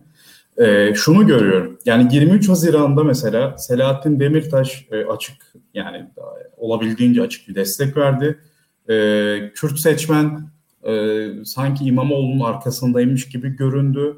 İşte Öcalan mevzusu yaşandı. Buna rağmen katılımın en düşük kaldığı mahalleler ve ilçeler Kürtlerin yoğun yaşadığı ilçeler. Mesela örnek veriyorum. Ee, mesela Bayrampaşa'da çok az Kürt vardır. Bilen bilir. Orada katılım %90. Mesela bu katılım Esenyurt'ta 80'e düşüyor. Esenyurt'ta da işte Kürt oranı belki de %35'e yakın. Ee, neden mesela Kürt seçmende neden feri oluyor? Yani mesela 23 Haziran'da CHP elinden gelenin hepsini yaptı bence Kürt seçmen konusunda. Bu İstanbul'da da sınır değil bu arada. Yani Güneydoğu ve Doğu Anadolu'da da seçime katılım %70'lere düşüyor. Normalde Türkiye geneli 83-84, Batı illerine 90'a yaklaşıyor ama Doğu'da 70'lere düşüyor ki e, 2017'de başkanlık referandumunda Doğu illerinde katılımın düşük kalmasıyla da e, yakından alakalıydı Tayyip Erdoğan'ın evet zaferi. Bu Kürt seçmen yani sandığa gitmeyen Kürt seçmene neden ulaşamıyor herhangi bir parti? Yani bunu AK Parti koymayalım gerçi anlaşılıyor AK Parti'ninki de muhalefeti konuşalım. Niye ulaşamıyorlar? Şöyle bir kere e, yani bir muhalefetin dışında gelişen nedenler söz konusu. Nedir bunlar? E, bir Türkiye'nin en siyasal e, seçmen grubundan bahsediyoruz. Kürt seçmen dediğimiz. Çünkü siyaseten ödediği bedel çok fazla olduğu için daha siyasi e, e, toplum e, bu toplum. E, burada e, bir kere şu muhalefetin kontrolü dışında olan süreç nedir? Kendi adayı yok. Desteklenmesi yönünde kanaat oluşmuş bir aday var.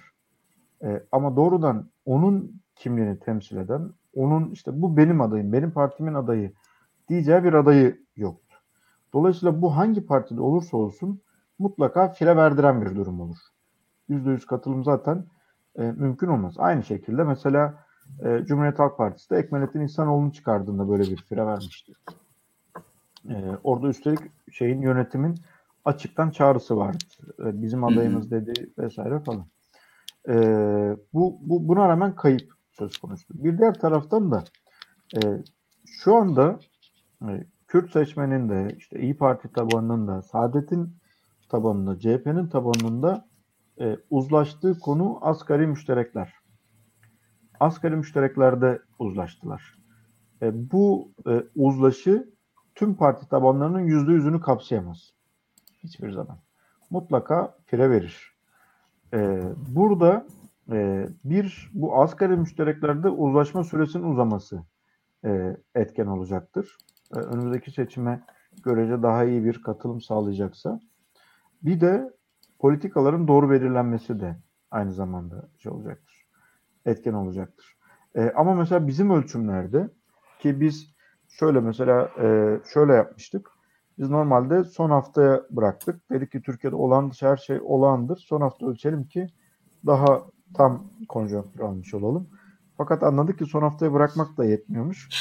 Çünkü pazar günü seçim varken perşembe günü Öcalan mektubu düştü. Hatta şöyle bir tesadüfle e, şanslı kaldık. Ben o akşam Halk TV'deydim. E, Perşembe akşamı. Sonucu açıklayacaktık. Dedik ya sabah açıklayalım. Cuma sabah kalsın. Yayındayken Öcalan'ın mektubu düştü. O kadar e, yani bir rasyonel bir durum ki. Şok, şok olmuşsunuzdur yani. Yani şu an bile hani tarifte zorlanıyorum. Yayındayken diyorum ki kesin yalandır bu falan diyorum yani. İnanamıyorsun. Yani. olur da bu kadar mı olur? Öcalan'ın işte kardeşi, TRT vesaire falan yani mektup işte bunlar olacak şeyler değil yani e, rutin işleyişte. Neyse baktık ki gerçek iş. Gece yarısı bir e, telekonferans yaptık aramızda ve sabah e, AKP ve CHP gruplarından e, kontrol grubu oluşturmayı, e, MHP ve HDP seçmen anketlerinde yenilemeyi kararlaştırdık. E, ve o revizyon sonrasında bizim asıl e, bu kadar e, tahmin birebir oturdu. Çünkü eğer Perşembe akşamı açıklasaydık 5 puan farklı alıyor diyecektik İmamoğlu. Bir gecede inanılmaz değiştirdi e, o süreç. Ve mesela Kürt seçmene getirecektim konuyu buradan. Onu söylemiş olayım. Perşembe akşamına kadar HDP'ye oy veren seçmenin 90.8'i İmamoğlu'na oy verecekti. E, 100 HDP seçmenin 90.8'i ben İmamoğlu'na oy vereceğim pazar günü diyor. Öcalan'ın mektubu düştü. Sabah ölçtüğümüzde bu oran 91.1'di. Değişmedi. Değişen kim oldu biliyor musunuz? Asıl MHP. Perşembe gecesine kadar %22'si Perşembe gecesine kadar %22'si İmamoğlu'na oy vereceğini söylüyordu. Hı. Cuma sabahı %50'ye çıkmıştı bu. Biz de şey yapıyoruz. Sandık bazlı bu ekolojik e, oy verme modeliyle tahmin yapıyoruz da orada da güven aralığı MHP'de biraz genişliyor. Yani e, kaç 30 33 ile 45 arası filan çıkıyor. Demek ki 45'e dayanmış yani. E, MHP'den ya bu arada kaymak. şöyle MHP tabanı yönetimiyle gerçekten e, şey anlamlı bir ayrışmaya gidiyor giderek seçmenler. Bir de şehirden şehire de fark ediyor galiba. Mutlaka. Hı hı. Ee, İlkan var mı senin eklemek istediğin? Ya e, şöyle bir şey var. Bir defa hani Ertan Bey'in anlattığı hikaye ilginç hakikaten. Türkiye'de muhtemelen hani anketçilerin rüyası yaşandı böyle arka arkaya iki seçim bir yandan Öcalan mektubu bunlar yani şöyle isteseniz bir senaryo kursanız ya böyle bir anket olayında bir hani çok sınavlarda güzel soru sorar ya hocalar böyle yani öyle bir durum neredeyse yaşandı yani Türkiye'de. Ee, normal bir seçim değildi o açılardan. Ben hani bilmiyorum hani bu kadar da olmaz artık diye insan düşünüyor. O kadar da oluyor Türkiye'de. Ee, şunu diyebilirim. Ee, Kürt seçmen e, meselesi bence önemli. Bence şundan dolayı önemli. Hatta ya bu konunun e, muhalefet tarafından da bence söylenmesi gerekiyor. Ben burada siyasal bir yorum, yorum yapacağım. E, Kürt seçmenin sandığa götürülmesi Kürt seçmenin Türkiye'ye bağlılığının ifadesidir diye düşünüyorum. Bu açıdan muhalefetin Kürt seçmenden oy almasının e, Türkiye'de hani milli birlik beraberlik varsa bu milli birlik beraberliğe faydalı bir süreç olduğunu düşünmek gerekir diye düşünüyorum. Eğer Kürt seçmen Türkiye'ye dair sorunlarını, Türkiye'ye dair sıkıntılarının çözümünü sandıkta arıyorsa Türkiye bundan mutlu olmalıdır. Kürt seçmen Türkiye'ye dair sorunların, sıkıntılarının kaynağını çözüm pardon, sorunların çözümünü sandıkta aradığından dolayı mutlu olmalıdır. Bunları sandığa götüren, Kürt seçmeni sandığa götüren partilere Türkiye'de eğer yerli milli kaygıları olan bu kaygılarla hayata bakan insanlar e, minnettar olmalılardır diye düşünüyorum. Yani buradaki mesele biraz budur. Hatta şöyle söyleyeyim yani ya keşke CHP daha fazlasını götürebilseydi, İmamoğlu daha fazlasını sandığa götürebilseydi diye düşünmelilerdi diye düşünüyorum. Eğer yani hakikaten kaygı yerlilik, millilikse, kaygı Türkiye'nin ulusal menfaatleri ise benim açımdan budur. Burada buradaki mesele biraz bana e, o korkutucu sinyali vermektedir. Yani bu Kürt seçmenin sandığa daha az gidiyor oluşu Türkiye'nin sisteminden, Türkiye'nin mahkemelerinden, Türkiye'nin hukukundan, Türkiye'nin yargısından, Türkiye'nin seçiminden, Türkiye'nin sandığından umutsuz olma ifadesi de olabilir. Yani açıkçası o işaretleri de verebilir. Bu e, bu insanların sandığa gidiyor olmalarından, sandıkla heyecanlanmalarından, sandıkla bir çözüm aramalarından e, yerli milli işte güvenlik kaygıları yüksek insanlarımızın mutlu olması gerekir diye düşünüyorum. Bunu eklemem gerekiyor.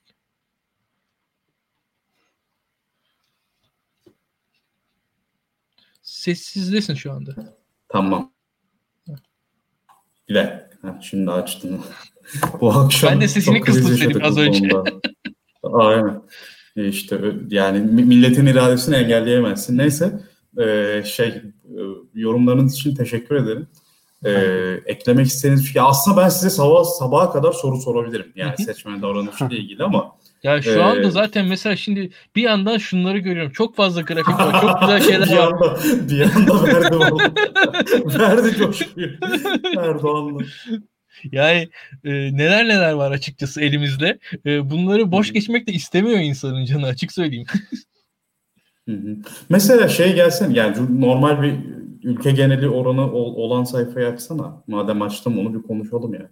Bunu konuşalım bitirelim. Bir buçuk saati geçmeyelim. Ertan Bey de yormayalım daha fazla. Doğru doğru. Evet tamam devam ederim ben size. Dur Muharrem İnce'ye gel. şu an bambaşka yerlere geldi şu an. Dur. Durun o zaman şöyle gidelim. Medya bağımsızlığı. Sen bu tarz bir şey mi Az istiyorsun? önce yok yok Erdoğan Erdoğan'a gel. Ha. Sol. Ha bir dakika. Tamam okey. Ee, şimdi mesela e, başka anket şirketlerinde Cumhurbaşkanı görev olan %50'ye yakın çıkıyor. Sizde %40 çıkmış mesela ve e, onaylamıyorum diyenler de yaklaşık 4.3 puan önde e, onaylıyorum diyenlere kıyasla. Nasıl yorumluyorsunuz bunu? Yani aylık değişimleri de siz biliyorsunuz zaten.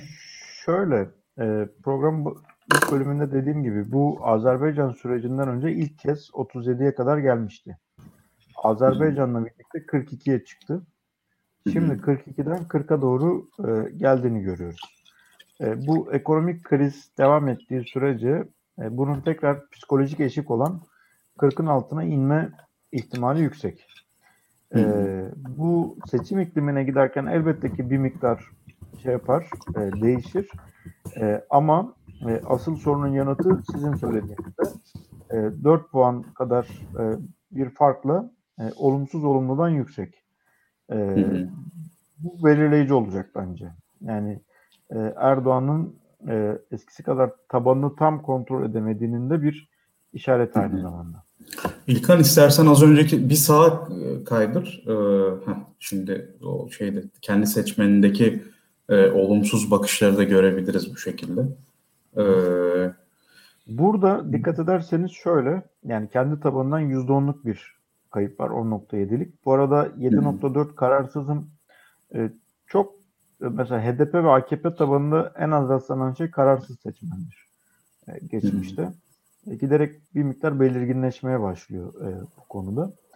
E, diğer taraftan şey %80 doğrudan onay veriyor farkındaysanız. Ama asıl bulgu şeyde MHP tabanında. E, şu an MHP'nin üst yönetimi %100 onaylasa da Hatta matematiksel olarak mümkün olsa %120 e, onaylayacak belki. E, ama tabana baktığınızda e, bunun 57.8'de doğrudan onay ifadesi olarak e, olduğu karşımıza çıkıyor. Yani e, Erdoğan'ın politikalarının veya Cumhur İttifakı politikalarının e, MHP üst yönetimi kadar MHP seçmeni heyecanlandırdığını söyleyemeyiz. Peki bir soru sorayım ben size. Siz panel veri zaten artık katılımcıları belki bir, bir şahsen bile tanıyor olabilirsiniz bilmiyorum. Ee, Arkadaşlarım yani evet ekipte tanıyan vardır. Ee, ya şimdi mesela şunu merak ediyorum. AK Partili olup yani 24 Haziran'da AK Parti'ye oy verip veya MHP'ye oy verip de şu an Tayyip Erdoğan'ı e, onaylamayanların profillerini konuşsak nasıl profiller bunlar? Yani hangi tip seçmen öne çıkıyor? Cinsiyet, eğitim, o işte etnisite, iba, şey dindarlık seviyesi bunları konuşunca nasıl profiller ortaya çıkıyor? E, iki tiple daha çok karşılaşıyoruz. Bir e, yoksulluk çeken, e, dolayısıyla ekonomik krizden görece daha fazla etkilenen. Bir diğeri de daha beyaz yaka tanımına giren, e, oraya yakın e, e, görece lisans ve üzeri eğitime sahip kitlede e, partisinden ayrışma e, görüyoruz. E, çünkü eğitimli olanda popülist politikalar daha az tutuyor. E, diğerinde de e, şey olsa da yani işte milliyetçi duyguları vesaire baskın olsa da e, bir taraftan da yaşamında devam eden sorunlar söz konusu. Yani kredi kartını ödeyemezken işte e, mesela pandemi nedeniyle bir ay dahi içeride kalmaya takati yokken e, veya esnafsa e, bir taraftan da e, esnaf ihmal ediliyor genelde bu tartışmalarda. E, esnafsa e, sonuçta yaşadığı sorunlar var. Kendi gerçekleri var. Bir de ona anlatılanlar var. Bu ikisini örtüştüremiyor. Aynı yerel seçime giderken BK tartışmasında örtüştüremediği gibi e, bugün anlatılanlarla örtüştürülemiyor. Mesela doğalgaz bulduk tartışması ilk yapıldığında gayet karşılık bulmuştu seçmende. Ama ikinci gazı bulduk açıklaması yapıldığında etkisinin yüzde 23 olduğunu gördük. E, kaybediyor hızlıca. Yani e, tutmuyor bunlar. Bir şey varken, derin kriz varken doğalgaz faturasını ödeyemekte zorlanan veya ödeyemeyen bir kitleye istediğiniz kadar gaz bulduk diye açıklama Yani fatura daha somut açıkçası. Faturanın somutluğu o doğalgazın e, hamasetini biraz yeniyor. E, Ertan Bey sizin araştırmanızın e, ben şu anda tamamını bilerek size söylüyorum. Diğer araştırmalarda da benzer şeyler var. Şimdi mesela bu görev onayında bakıyoruz. Çok e, anlamlı bir fark mı bilmiyorum ama Cumhuriyet Halk Partisi'ni onaylamayan işte %83, İyi Parti'de %92 çıkıyor. Beklenen oranlar gibi geliyor insanlara ama tekrar tekrar bir birçok yer, yerde bakıyor. Mesela Fahrettin Koca'yı onaylamayanlara baktığımız zaman e, işte nispeten bir ara sempatisi yükselmiş bir figürdü. Şu an düştü. Orada da iyi Partiler daha fazla onaylamayanlardan çıkıyor. Mesela e, veyahut da hani diyelim sağlık e, alanında hükümeti başarılı buluyor musunuz, bulmuyor musunuz ya da partilere sorduğunuz zaman oradaki kesite baktığımız zaman Cumhuriyet Halk Partilerden hükümeti sağlık alanında başarılı bulan neyse İyi Parti'den o daha da az çıkıyor. Yani burada şöyle bir şey var. Geleneksel mantığımla benim baktığım zaman siyasete yani Cumhuriyet Halk Partisi Adalet ve Kalkınma Partisi'ne göre de partisine İyi Parti'den daha muhaliftir diye bir e, ön kabulle bakıyorken anketler bana birazcık daha tersine bir şey ortaya çıkartıyor. Yani Cumhuriyet Halk Partisi belki sosyolojik olarak AK Parti'ye daha uzak bir seçmen kitlesine oluşmasına rağmen muhalefet heyecanı İyi Partilere daha yüksek gibi duruyor. Yani bu, bu çok bu benim bence izaha muhtaç bir şey. Çünkü açık konuşayım sizin anketinizdeki sonuçların hemen hemen aynılarını yani e, biz e, diğer saygın anket kuruluşlarındaki kesitlerde de gördük bu, bu konularda. Yani hani şöyle söyleyeyim hani işte Konda'nın Metropol'ün falan anketlerini birazcık karıştırdığınız zaman orada da sizinkine yakın sonuçlar var. Hani bu, bu açılardan hani herkesi şaşırtan en azından dikkatli okuyanları şaşırtan sonuçlar var. Bunun bir izahının olması gerekir diye düşünüyorum ben. Sizin de dikkatinizi çekmiştir. Evet izah son derece mümkün. Ee, bunun e, bir üç tane nedeni şey yapabiliriz. Büyük oranda odaklayabiliriz. Bir tanesi şu. Biz şimdi CHP seçmeni, İyi Parti seçmeni, MHP seçmeni derken bir e, doğrudan partinin sempatizanı, üyesi, e, siyasal angajmanı yüksek seçmenin e, %100 olduğunu iddia etmiyoruz. Son seçimde o partiye oy vermiş seçmen olarak bakıyoruz. Dolayısıyla kısa dönem öncesinin moda deyimiyle emanet oylar da söz konusu. Ve dolay, e, haliyle bu e, seçmen grupları içerisinde biri o dönem herhangi bir şeye kızıp kişisel meselesi bile olabilir. Kızıp getirip CHP'ye atıyor ama sonraki dönemlerde belki vermiyor. Bu diğer partiler için de geçerli. Bir bu küme var.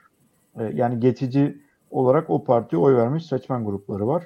Şu an CHP istatistiklerine yazsa da e, klasik bir CHP'li gibi davranmayan kitle mevcut. İki, Türkiye'de e, ön kabullerden bir tanesi şu, Türkiye'nin en eğitimli seçmen grubu CHP'de. Ama bir ezber bu. Asıl e, en eğitimli seçmen grubu İyi Parti'de. E, dolayısıyla e, olumsuzluklar karşısında fikri daha net olan da e, burada toplanıyor. Bir üçüncü neden de şu, e, İyi Parti bugün İyi Parti açısından baktığımızda evet teker tümseyi açtı ama aşana kadar da çok ciddi tümseklerle karşılaştı. Yani toplantılar yaptıklarında salonların elektriği kesildi. Tahsis edilmiş toplantı mekanları iptal edildi. Ee, kuruluşundan beri seçimler işte şaibeli olduğu kendi işlerinden ayrılanlar da söyledi. MHP tarafındaki vesaire. Ee, çok ciddi ithamlara maruz kaldılar. Yani şimdi bu ithamlar bir taraftan bir seçmen grubunu oradan soğutuyor ama oraya gönül veren, oy veren seçmenin de aidiyetini artırıyor. Çünkü ona da söylenmiş oluyor. Yani siz partisine FETÖ'cü dediğinizde onu da FETÖ'cü demiş oluyorsunuz. E, ya da ona da demiş olduğunuzu daha doğrusu demeseniz de o öyle hissediyor bir tarafıyla. E, bütün bunlar bir araya geldiğinde e, MHP'li seçmenin e, daha polit şey, MHP'li diyorum, İyi Partili seçmenin politik reflekslerinin yüksek olduğunu görüyoruz. Çok teşekkürler. Açıkçası bence bunun üzerine konuşulması gerekiyordu. Yani İyi Parti'nin çünkü e, yani İyi Parti seçmeninin hakkı bence e, şöyle söyleyeyim bizim siyasal analiz analiz yapan kitlenin hani e, kültürel geçmişi gereğince pek verilmiyor diye düşünüyorum. Yani bunun birazcık daha somut verilerle bakarak hakikaten objektif olarak anlatılması gerekiyordu. Çünkü bu bu bu, bu konu konuşulmayan bir konu diye düşündüm Türkiye'de. Sen devam et. Ee, bir buçuk saati bulduk. Ee, biz bu akşamlık e, veda edelim izleyicilerimize. Ertan Bey çok teşekkür ederim. Sizi daha sık ağırlamak isteriz. E, uygun olduğunuz vakitlerde. Memnuniyetle Ee, ben teşekkür ederim. Çok keyifli bir sohbetti benim için de. Ee, Hı sorular da birbirinden kıymetliydi. Benim de sizinle birlikte düşünmemi de sağladı. Ben teşekkür ederim. Yani sürçülisan affet, e, sürçülisan ettiysek affola. E, çünkü biz biraz şey, ya böyle şey formatımız sohbet tarzında gerçekten yani böyle e, günlük hayattaki sohbet yani böyle bazen şey oluyor. Bazı konuklarımız Evet. garipseyebiliyor ama umarım Hatta şöyle bana iyi geliyor çünkü stüdyolarda ciddi tartışmaları zaten e, şey yapıyoruz. e, yapıyoruz. Burada biraz daha böyle rahat tartışmalar bana da iyi geliyor açıkçası.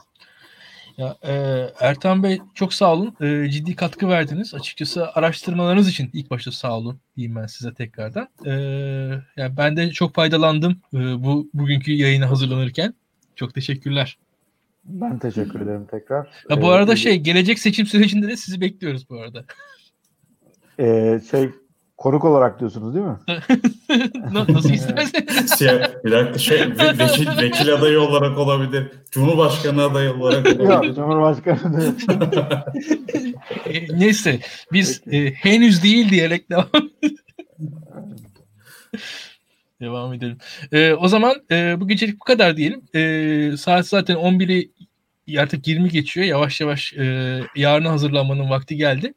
E, herkese teşekkürler yayınımızı takip edenlere. İyi geceler arkadaşlar. Haftaya tekrar görüşmek üzere. Görüşmek üzere diye tekrar. İyi geceler. İyi geceler.